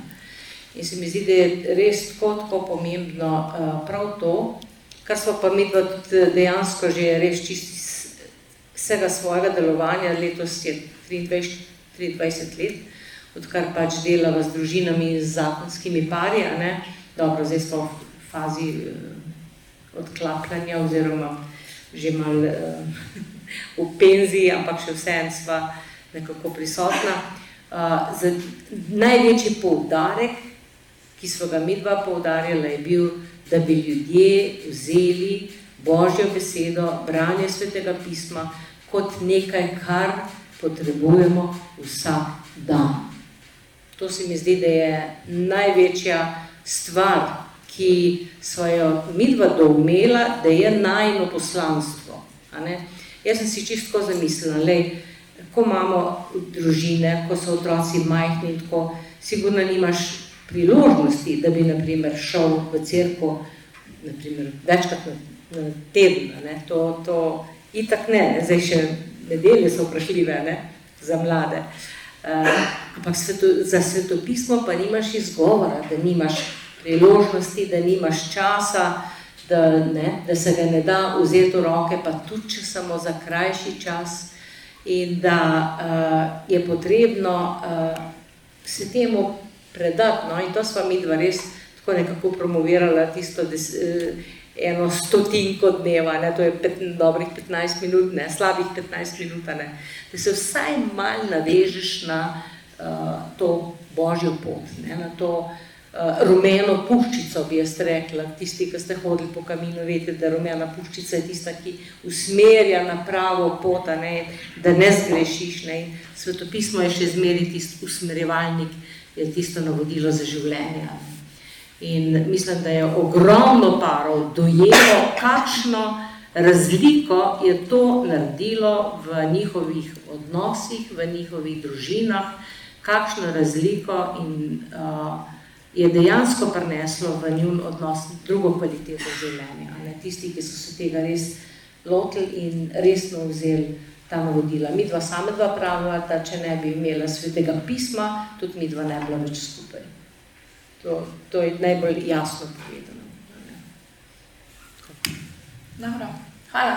Zdaj pa predlagam, da se obrnemo še k publiki, um, pa da slišimo, kaj pa vas zanima. Zdaj, um, kot smo lahko slišali, imajo naši gosti ogromno in znanja in izkušenj, imamo zdaj res lepo priložnost, um, da izkoristimo, da nam povedo to, kar, to, kar mi želimo vedeti. Um, tako da dejte, dejte dvigajte roko, pa bo prišel mikrofon do vas. Um, Še enkrat pa povem, da se uh, zvok tega večera snema. Tako da, kaj? Kdo ima kakšno vprašanje? Roke gor.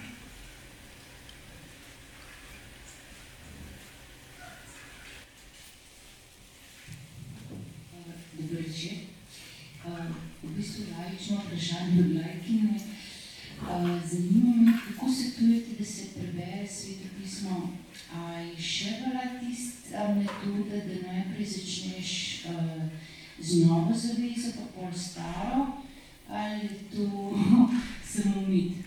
Um, približna metoda, no, vsebinska me zanima, ker pač nisem tako vrhunsko usposobljena, kot ste vsi ne? In um, me zanima, če lahko svetujete pač približno, kako se lotiti v svetu pisma. No. Ako od začetka do konca. Torej, obstajajo metode, mislim, da svetopisanska družba ima, ima tudi nekatere priporočila, kako naj bi to bral. Zdaj, zakaj bi začel z novo zavezo?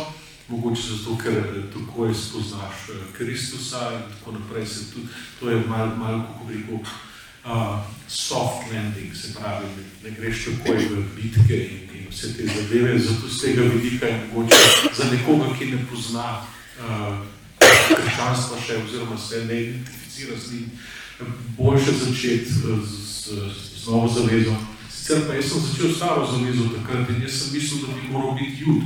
In sem doma spraševal in sem rekel, pa a smo mi ljudje, pa sem rekel, ja, nismo, pa kako da nismo to? Ja, ne, ker to, zdaj, to, kar tukaj piše, to zame, jaz bi rekel, da bi zame veljalo, ne. In potem sem prišel v novo zavezo in sem videl, da pač je, obstaja nova zaveza, ne samo z ljudi, ki še zmeraj ostaja, ampak tudi nova, se pravi, s človeštvom sploh. No, potem je to postalo sprejemljivo, uh, sem rekel, nekaj dobrega je Jezus tukaj naredil.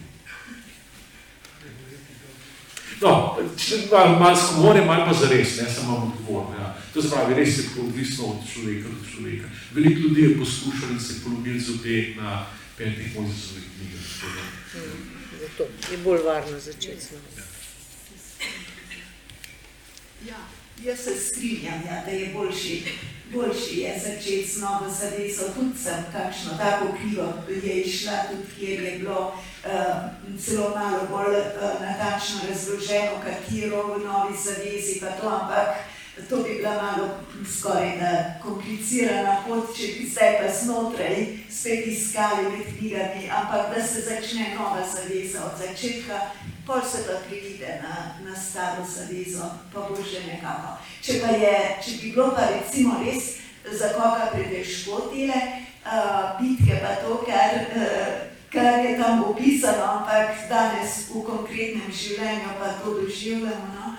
Uh, je pa dobro začeti s kakimi modrostnimi knjigami. Psalmi, recimo, so zelo dobra, res, res taka stvar, ki se lahko začne, pa modrostne knjige. Ja, to.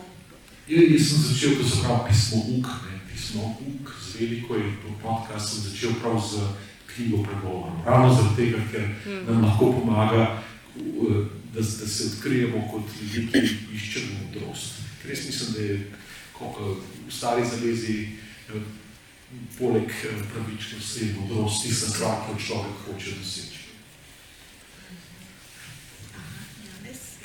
Ja, Jan, se oprosti.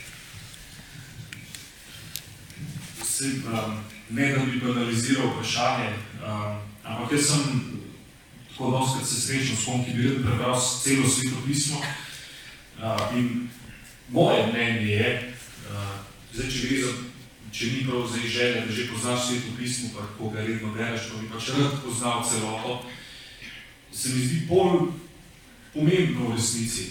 Uh, si mogoče zbrati eno knjigo, ki te pokliče, ki ti je blizu, pa se v to poglobiti. Uh, mogoče bolj kot pač čez celoto, samo, samo tam videti. Mislim, da se lahko čisto dober kristijan in katoličan, če ti kakšna knjiga sveto pismo uide in celo življenje ne prebereš. Mislim, da se to čisto. Jaz imam tukaj eno vprašanje, ki pravzaprav pa še eno misel. No? Pri svetopisemski družbi vem, da je šla knjiga Bistven 100. Čudovita knjiga, ki predlaga sto poglavij iz svetega pisma, od stare zaveze pa preko nove zaveze. In to so taka poglavja, ki, ne, ki ti dajo neke vrste nekakšen splošni pregled skozi, bi se rekla, božji podrešenski načrt, tako da se lahko umestiš sebe v tisti, v tisti del, pač kjer se najdeš. Ne? To je ena stvar, pa še ena stvar je zanimiva pri zdaj le zadnje čase pri svetopisemski družbi, nova zaveza s prostorom, ne vem, če poznate. To je posebna izdaja svetega pisma, nova zaveza, nova zaveza s prostorom, ki ima na koncu čudovite bralne načrte. Veste, kaj pomeni bralni načrt? Se pravi, vsebinski bralni načrt. Bralni načrt, kdo je Jezus, ne? Bralni načrt, recimo o tem, kaj je crkv, bralni načrt, kaj je zakon, bralni načrt, kdo je Jezusov učenec in tako naprej. In vsak tak načrt prinaša 15 do 20 odlomkov, ki jih potem lahko, bi se reklo, temeljiteje prebira ena skupina. Tako da je lušno, recimo, če se zberejo trije, štirje, a ne, ki skupaj berejo po tem bralnem načrtu, tisti del svetega pisma, tisti del, tisti odlomek in potem grejo skozi vse bralni načrt in na ta način si lahko podelijo tudi med seboj kaj me je nagovorilo, kaj mi odlomek pove o Bogu, kaj mi pove o človeku, kaj razumem, kaj ne razumem in k čemu me nagovarja ta beseda konkretno v mojem življenju. Tako da se mi zdi, da tu no se mi zdi, da za nas lajke so take stvari, recimo, bi se reklo, zelo eh, praktično uporabne, ker v bistvu ne zahtevajo od nas, vse vem, spoštujem akademsko znanje, zelo spoštujem, ampak vsi pač nimamo priložnosti, da bi se izpopolnjevali leta in leta, recimo, in bi dosegali visoko akademsko znanje, ker včasih naše življenje ni akademsko, ampak je bolj, bi se rekel, zelo priklehno. In jaz pri tleh v vsakdanjem življenju, v odnosih, ne samo z mojo ženo, tudi s kom drugim, v službi ali pa na ulici, sosedi, s prijatelji, z otroki, potrebujem imeti eno oporo, eno moč, ki mi jo pa res da Božja beseda. In tukaj, recimo v tem duhu, bi tudi eno vprašanje zastavil, kaj pa Božja beseda v smislu, v smislu evangelizacije še danes ima moč, še kaj računamo na evangelizacijo skozi, bo, skozi Božjo besedo ali ne. Brez nje sploh ni možno. Nima druge besede. Dejan. Uh,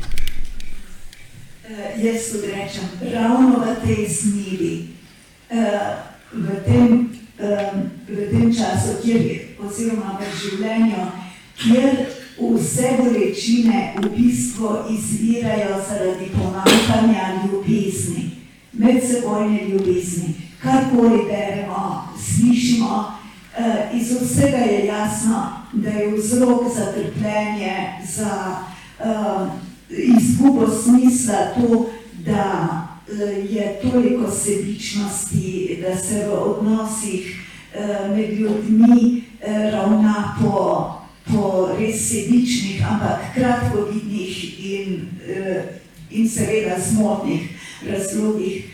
In tako stanje, kjer ni ljubezni in je toliko trpljenja, tu not pa res Božja beseda ima tako mesto, tako sporočilo, uh, je edina, resnično edina rešilna bilka in edina uh, tolažba in opora in smer in luč, karkoli dejansko, ravno zato, ker je tak svet, je Božja beseda toliko bolj potrebna. Jaz bi samo nekaj na kratko rekel. Božja beseda je tudi zlorabljena zato, da vse to nasilje obstaja. Se pravi, v njej je res veliko lepega, dobrega in tako naprej. Zato poznavanje in ne zlorabo Božje besede je, je potrebno. Uh, jaz poslušam, včasih poslušam velike na internetu uh, takih neumnosti, Bog se usmiri na YouTubeu in tako naprej, ki ki kličejo preko svetega pisma k agresiji, k, k strašno. Tako da ne gre tudi brez poznavanja vse osnov, ne, ne akademsko, ne vem kaj, ampak ne, bi, ne pa biti naivni, kar se svetega pisma tiče. Absolutno ne naivni biti. Ker vse se je upravičevalo skozi vso to zgodovino, se še vedno skozi zlorabo oziroma interpretacije svetega pisma, ki škodijo. Ne. Tako da je, sigurno, sestra Snežna, vir vsega lepega in dobrega in razodetja Boga. Hkrati, če zlorabljeno je pa obratno. Uh, zelo podobno, kot je v bistvu Damien rekel. Um, zelo zanimiv film je se verjetno bi to gledal, uh, The Book of Eli, uh, ki ne bom zdaj komu pokvaril, če bi šel gledati. Uh, ampak v bistvu gre, zgodba se vrti o enem človeku, ki tovor zadnji izvod svetega pisma na svetu. In za ta izvod se bori, v bistvu on ga hoče pa nesti nekam, kjer je njegov cilj. Za ta izvod svetega pisma se bori tudi nekdo, ki ima slabe namene, ampak se zaveda moči te knjige. In reče, v tej knjigi so, je moč, da, da nadzoruješ ljudi. In zato se hoče polastiti tega.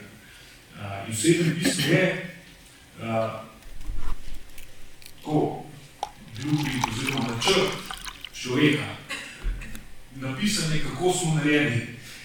In če to razumeš, lahko to tudi zmorabiš. če veš, kaj ljudje iščemo v osnovi, kaj nas žene, zakaj smo ustvarjeni, lahko to tudi zlorabijo za nekaj lahko bo uporabil za nekaj zelo dobro. Ja, in jaz vidim pred ljudmi, ja, tako, na loteriji si zadev, če veš, kaj mi že zanima, kaj je sveto pismo, je že tako vprašanje um, o, vem, povezavi tradicije pa sveto pismo. V osnovi je večinoma tako, ja, da so pač sveto pismo, ja, eno od knjig, zakaj glih ta, se imamo tudi druge svete knjige, zakaj bi zdaj mogli glih sveto pismo. Um, ampak če znaš jih poslušati, spremljati in iz svetega pisma, iz tega, kar si tam prebral, videti v njega, kaj je tisto, kar on išče in mu to podati na en tak način, da bo videl, da to, kar išče, je tam. Uh, on se jim odpre oči ponavadi tako, vsaj za dve minuti, tudi tisti, ki so najbolj glasni, potihnili poslušajo. Ker, ker si zadev nekaj, kar, kar so skozi iskali, pa nekaj druge ni. Uh, in zato jaz verjamem in vidim vedno znova pri uh, najbolj, najbolj težkih mulcih, da, da dela, da, da je Božja beseda res Božja uh, in, in prime in zadeve tja, tja kamor mora. No, jaz imam pa podobno izkustvo tudi z odraslimi, eh, ko imam tudi biblične skupine eh, in eh, ko sem začela tam v Mari, bližini Maribora biblično skupino, seveda prvo vprašanje teh ljudi in ogovorov je bilo vse tisto, ne, da je v svetem pismu je nasilje, v stari zavezi je nasilje od Boga ukazano in takšno in tako pač je nasilje.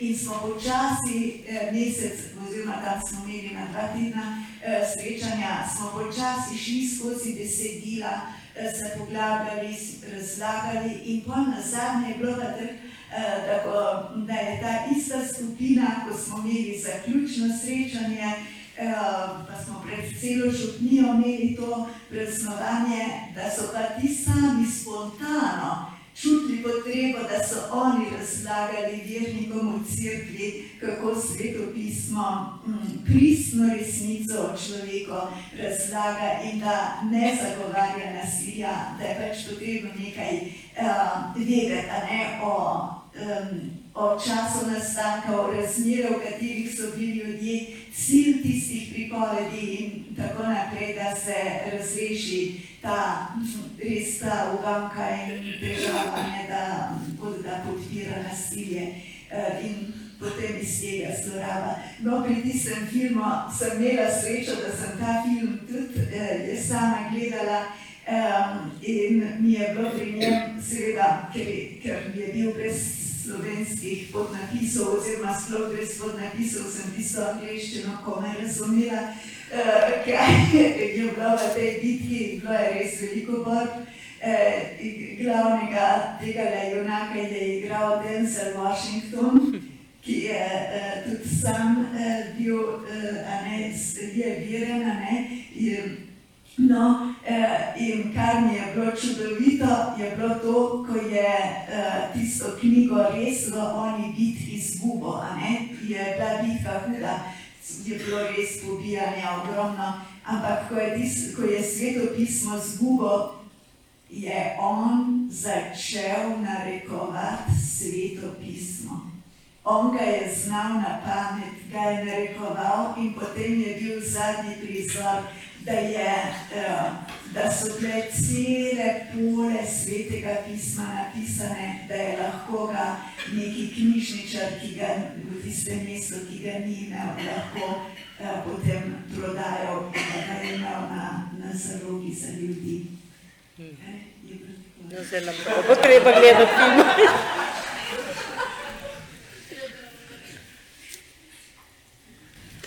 Kakšno vprašanje imamo še? Zahvala za ta večer. Čudovito.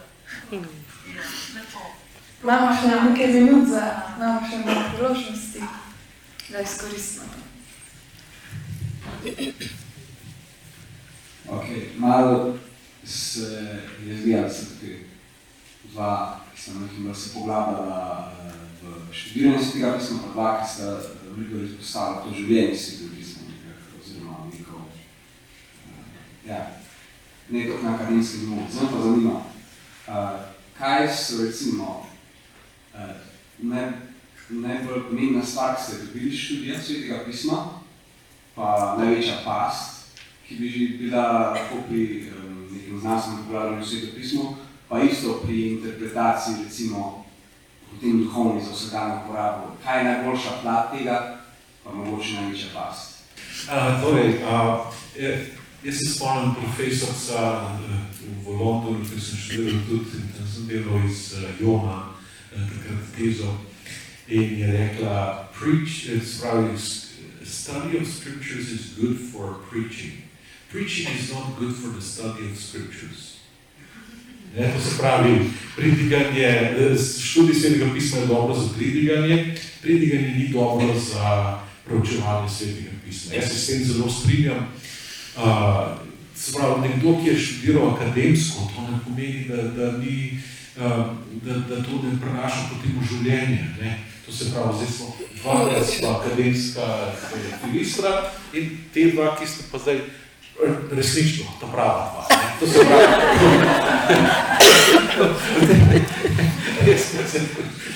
jaz mislim, da je zelo pomemben uh, vsekakor preučevanje, zdaj to kakšnega nivoja, kakšne globine in tako naprej. Jaz vam povem, da jaz zelo malo vem, po vseh letih mojega študija zelo malo vem. Uh, po drugi strani pa sem tudi jaz zelo velik delal, bodi si kot pridigar, bodi si kot nekdo, ki je imel uh, biblične, uh, se pravi, svetopisanske uh, skupine, bodi si duhovne vaje. Veste, za duhovne vaje, da je treba verjeti, da, da Bog deluje po svetem pismu. To ne moreš akademsko potem se ukvarjati s temi stvarmi. Sicer vse tudi, ne, zato ker slišim marsikaj in rečem, joj, joj, ampak v redu. Uh, uh, to se mi zdi, da ne, ne gre ločiti. Ne. Sigurno, kot stroka, ne, kot znanost, pač mora biti sledi pravilom akademije. In to so tisti težki članki, ki jih je zelo težko se čez prebriti. Ne predlagam niti, da bi jih prepisovali. Ne. Vi ste tudi sploh to, to kategorijo, tako da... Uh, ja, uh, jaz se tudi strinjam s tem, kar, kar pravi Pater Damjan, uh, da, um, da tisti, ki smo pač šli v ta študij, um, da, da še kako želimo svetopismo v življenju um, doživljati, ga predajati kot takega in zakaj smo pravzaprav šli študirati. Prej nas je poklicalo v srcu svojo lepoto in svojo skrivnostnostjo, da smo se sploh podali na to akademsko uh, pot in čemu služi ta uh, vesta napor študija. Ja, samo temu, da bi lahko odluščili tisto trdo skorjo, ki preprečuje, da bi prišli do jedra. To je cilj akademskega um, natrezanja in truda. Uh, jedro nas privlači, to nas uh, to, to vleče za sabo in zaradi tega ves ta napor uh, študijski pač podzamemo. Tako, torej, napor je in tako vsakem poklicu, ne, ne moramo sem za tega reči. Uh, no, tisto, kar, m, kar je pa tako mi um, dala ta akademska stopnja, sem se kar dolgo časa mučila, pa trudila, da bi, eh, da bi se tako skozi prebila. Eh, to pa mi je, ja, recimo, ko sem se poglabljala v, v knjigo profesorja Krašovca, ki je tam čez tisoč strani, nagrada kasen in odpuščanje, pač to temo, a ne, je skozi celo svetopismo proučeval, In to je res um, problematična tema, ne? krivda, kazen, odpuščanje, uh, zelo življenjska tema in je skozi vse knjige, kjer se nahaja to obdeloval. Uh, tam sem videla, kakšna harmonija vlada v svetem pismu.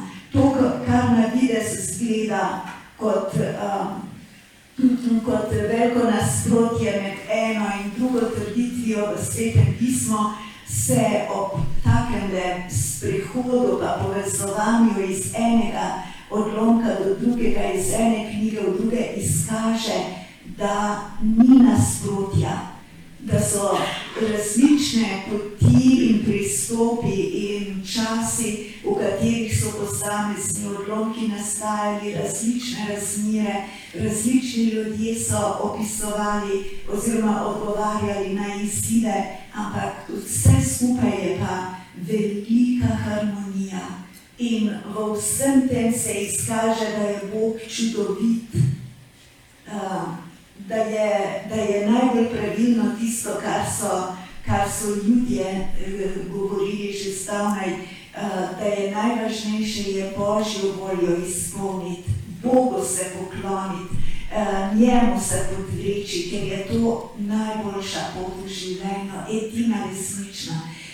No, to se z ustrajnim delom doseže se je potrebna ustrajnost, kot je tudi Vilma trdila, zvestova ustrajnost od začetka, ker takoj se ne, se ne pride do tega jedra. Bog kar pričakuje en napor, ampak tisti napor se splača ustrajati in, in, se, in se spozna res to, kar lahko občuduješ.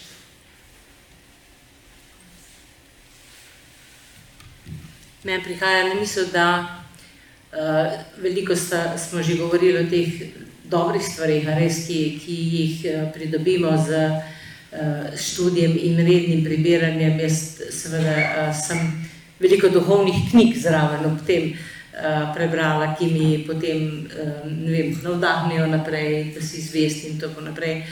Ampak ko, nekako sem začutila eno vprašanje, ne, da kaj je pa tisto, kar je pa uh, lahko gre v napačno smer. Jaz vidim, da v napačno smer in, in največja nevarnost pri vsem tem duhovnem zorenju je to, da si mogoče nekdo enkrat zamisli, wow, zdaj sem pa res že duhovno zrel.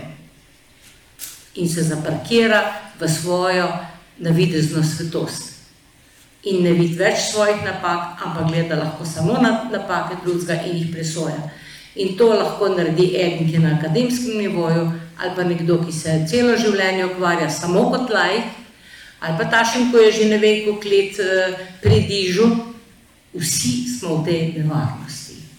In zato je potrebno tako nujno vsak dan skozi Božjo besedo presejati svoje misli, ki ti pa presojajo vzgide eh, tvojega srca. Ne, in tu, zato za branje svetega pisma, res tisto branje svetega pisma, ki ga hočeš potem prenesti v uh, življenje, ne, je nujno potrebna iskrenost in ponižnost. In če tega ni, ne boš šel v pravo smer. Za iskrenost in ponižnost je pa potreben tudi pogum. In, in uh, ne more en iti v globino Božje besede in ostati zaparkiran v mlačnosti ali pa zaparkiran v, v tem uh, občutku, wow, sem pa jaz dober. Ker slejko prej prideš do tega, da nisi nekaj naredil prav. In hvala Bogu, ker to je šele potem prava pot naprej. Ker greh ni problem. Zato je prišel Jezus, zato imamo jagne Božjih ljudi, greh sveta. Ne? Problem je naša vzvišenost, oholost in pa misel, da nekaj smo. Ne? Tako, tako jaz. Janis. Ja, jaz se v bistvu strinjam z vsemi. Uh, je najboljša stran študija svetega pisma, kar je meni študij svetega pisma, kljub vsemu prinesel, uh, je en, ena širina, čisto zavedanje, koliko je različnih pristopov, kot je sestra Snežna govorila. Iz koliko različnih stvari smeri lahko prostokaš Božje besedi, pa ti bo vedno nekaj dal. Uh, in čisto zavedanje, da, da si premajhen, da bi dojel. In po drugi strani je to bolj tudi nevarnost, ne? če ne štartaš iz tega, to, ker bi se tudi nedelo bila Božja beseda, ne? Uh, ne se noben ne imenuje oče, pa učitelj in tako naprej, ker ste vsi učenci. In Jezus je imel probleme s pismovki in farizeji zato, ker so oni mislili, da zdaj so pa učitelji, da, da vse vejo. Uh, in en od študija svetega pisma, ki je v resnici ustojen, um, ne samo eno, ampak ta stavek je zelo velikrat se, se ga spomnim, uh, pri Maksimiljanu Matjažu, ki razlaga eno dom, spet ta Jezus po farizej, uh, ko prije farizej reče Jezusu, mi vemo, da si ti Božji sin. In je rekel, to je ta farizejski stavek. Mi vemo, da si ti Božji sin, pa se ne spremeni. In to, to je ta nevarnost, po moje, največja. V branju, pa nasploh v duhovnem življenju, da si rečeš, jaz vem, ampak to, da veš, nič ne pomaga, ker tega ne živiš. In to, ne, to povezovati je tam, kjer, kjer se dogaja rast pa, pa življenje. Uh, mogoče zelo en kratek odgovor. uh, Moje najljubši citat iz svetega pisma je iz točno, točnega središča knjige preroka Jona. Uh, nek judovski komentator, že je Magonet, poznate Magoneta, ne? V glavnem, no, jaz sem to študiral. Je preštel,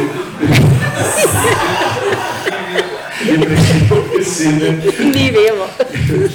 je preštel besede iz začetka in konca.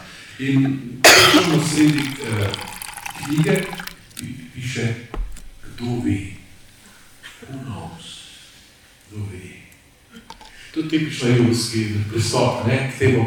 In to je meni tako, bi rekel, uh, nagovorilo, da, da še zdaj reče, kdo ve.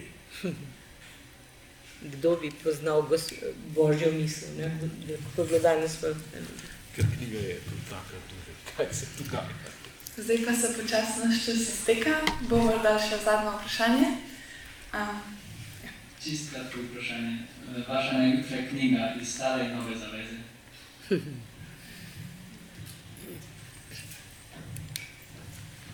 Težko se odločim, zato ker ne morem kar tako reči, o velikih eno. Pa bom rekla, da iz stare zaveze, kako bi rekla, me psalmi najbolj navdihujejo. Iz nove zaveze Jezusovo življenje, če bi izbirala, bi izbrala Janovo evangelij, če pa še pismo zraven, pa naprimer Filipijano. To se pravi, jaz sem pozoril pridigarja in pa iz nove zaveze mi je pa zelo všeč pismo Galačano, ki je na Jezu. Ja, iz stare zaveze, ja, zelo mi je všeč prerok Izaija. Uh, iz nove zaveze pa ja, se odločam med eh, evangelijem po Mateju pa razodetjem. Moj pa prerok Jeremija pa Janez Logi.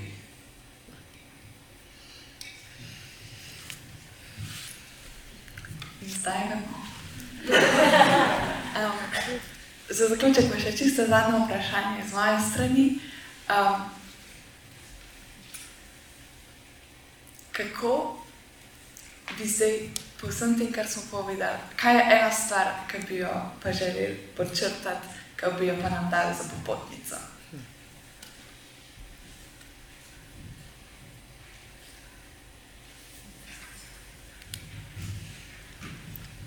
Jaz bi rekla, če bi imela priložnost, bi vsako rekla, odloči se za vedno branje svetega pisma. Splača se. Vsakodnevno, ja, kaj se reče, vsakodnevno branje svetega pisma. Splača se. Vem, če so zelo veliko. Hvala. Uh, ja, jaz bi rekla, da, da pristopimo s ponižnostjo in iskrenostjo, ker ta nas bo obvarovala pred zablodami, v katere lahko zaidemo pri eh, branju, eh, pri predrznem in oholem prebiranju svetega pisma. Vse to.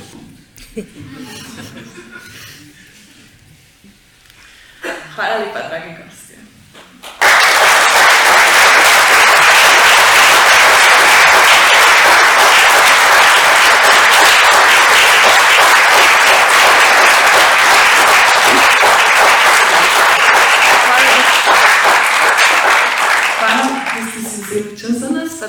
To preživeli z nami. Hvala tudi vam, draga publika, uh, da ste z nami preživeli ta večer. Za konec še povabilo um, na to, ki se lahko spet vidimo. Jutri uh, bo potekal spet um, Nikodimov večer na Teološki fakulteti ob 19.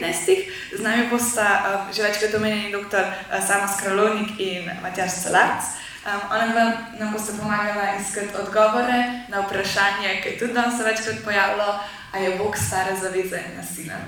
Potem v četrtek um, bo imel pa še celski škaf, škaf, dr. Maksimilijan Matjaš, predavanje na temo sodobnega učenčstva. Um, tako da, če vas zanima, kaj um, evangeliji povedo o tem, kako naj danes živimo kot Kristusovi učenci, ste dobrodošli v četrtek ob 19. v študentskem domu Vincenci na taboru.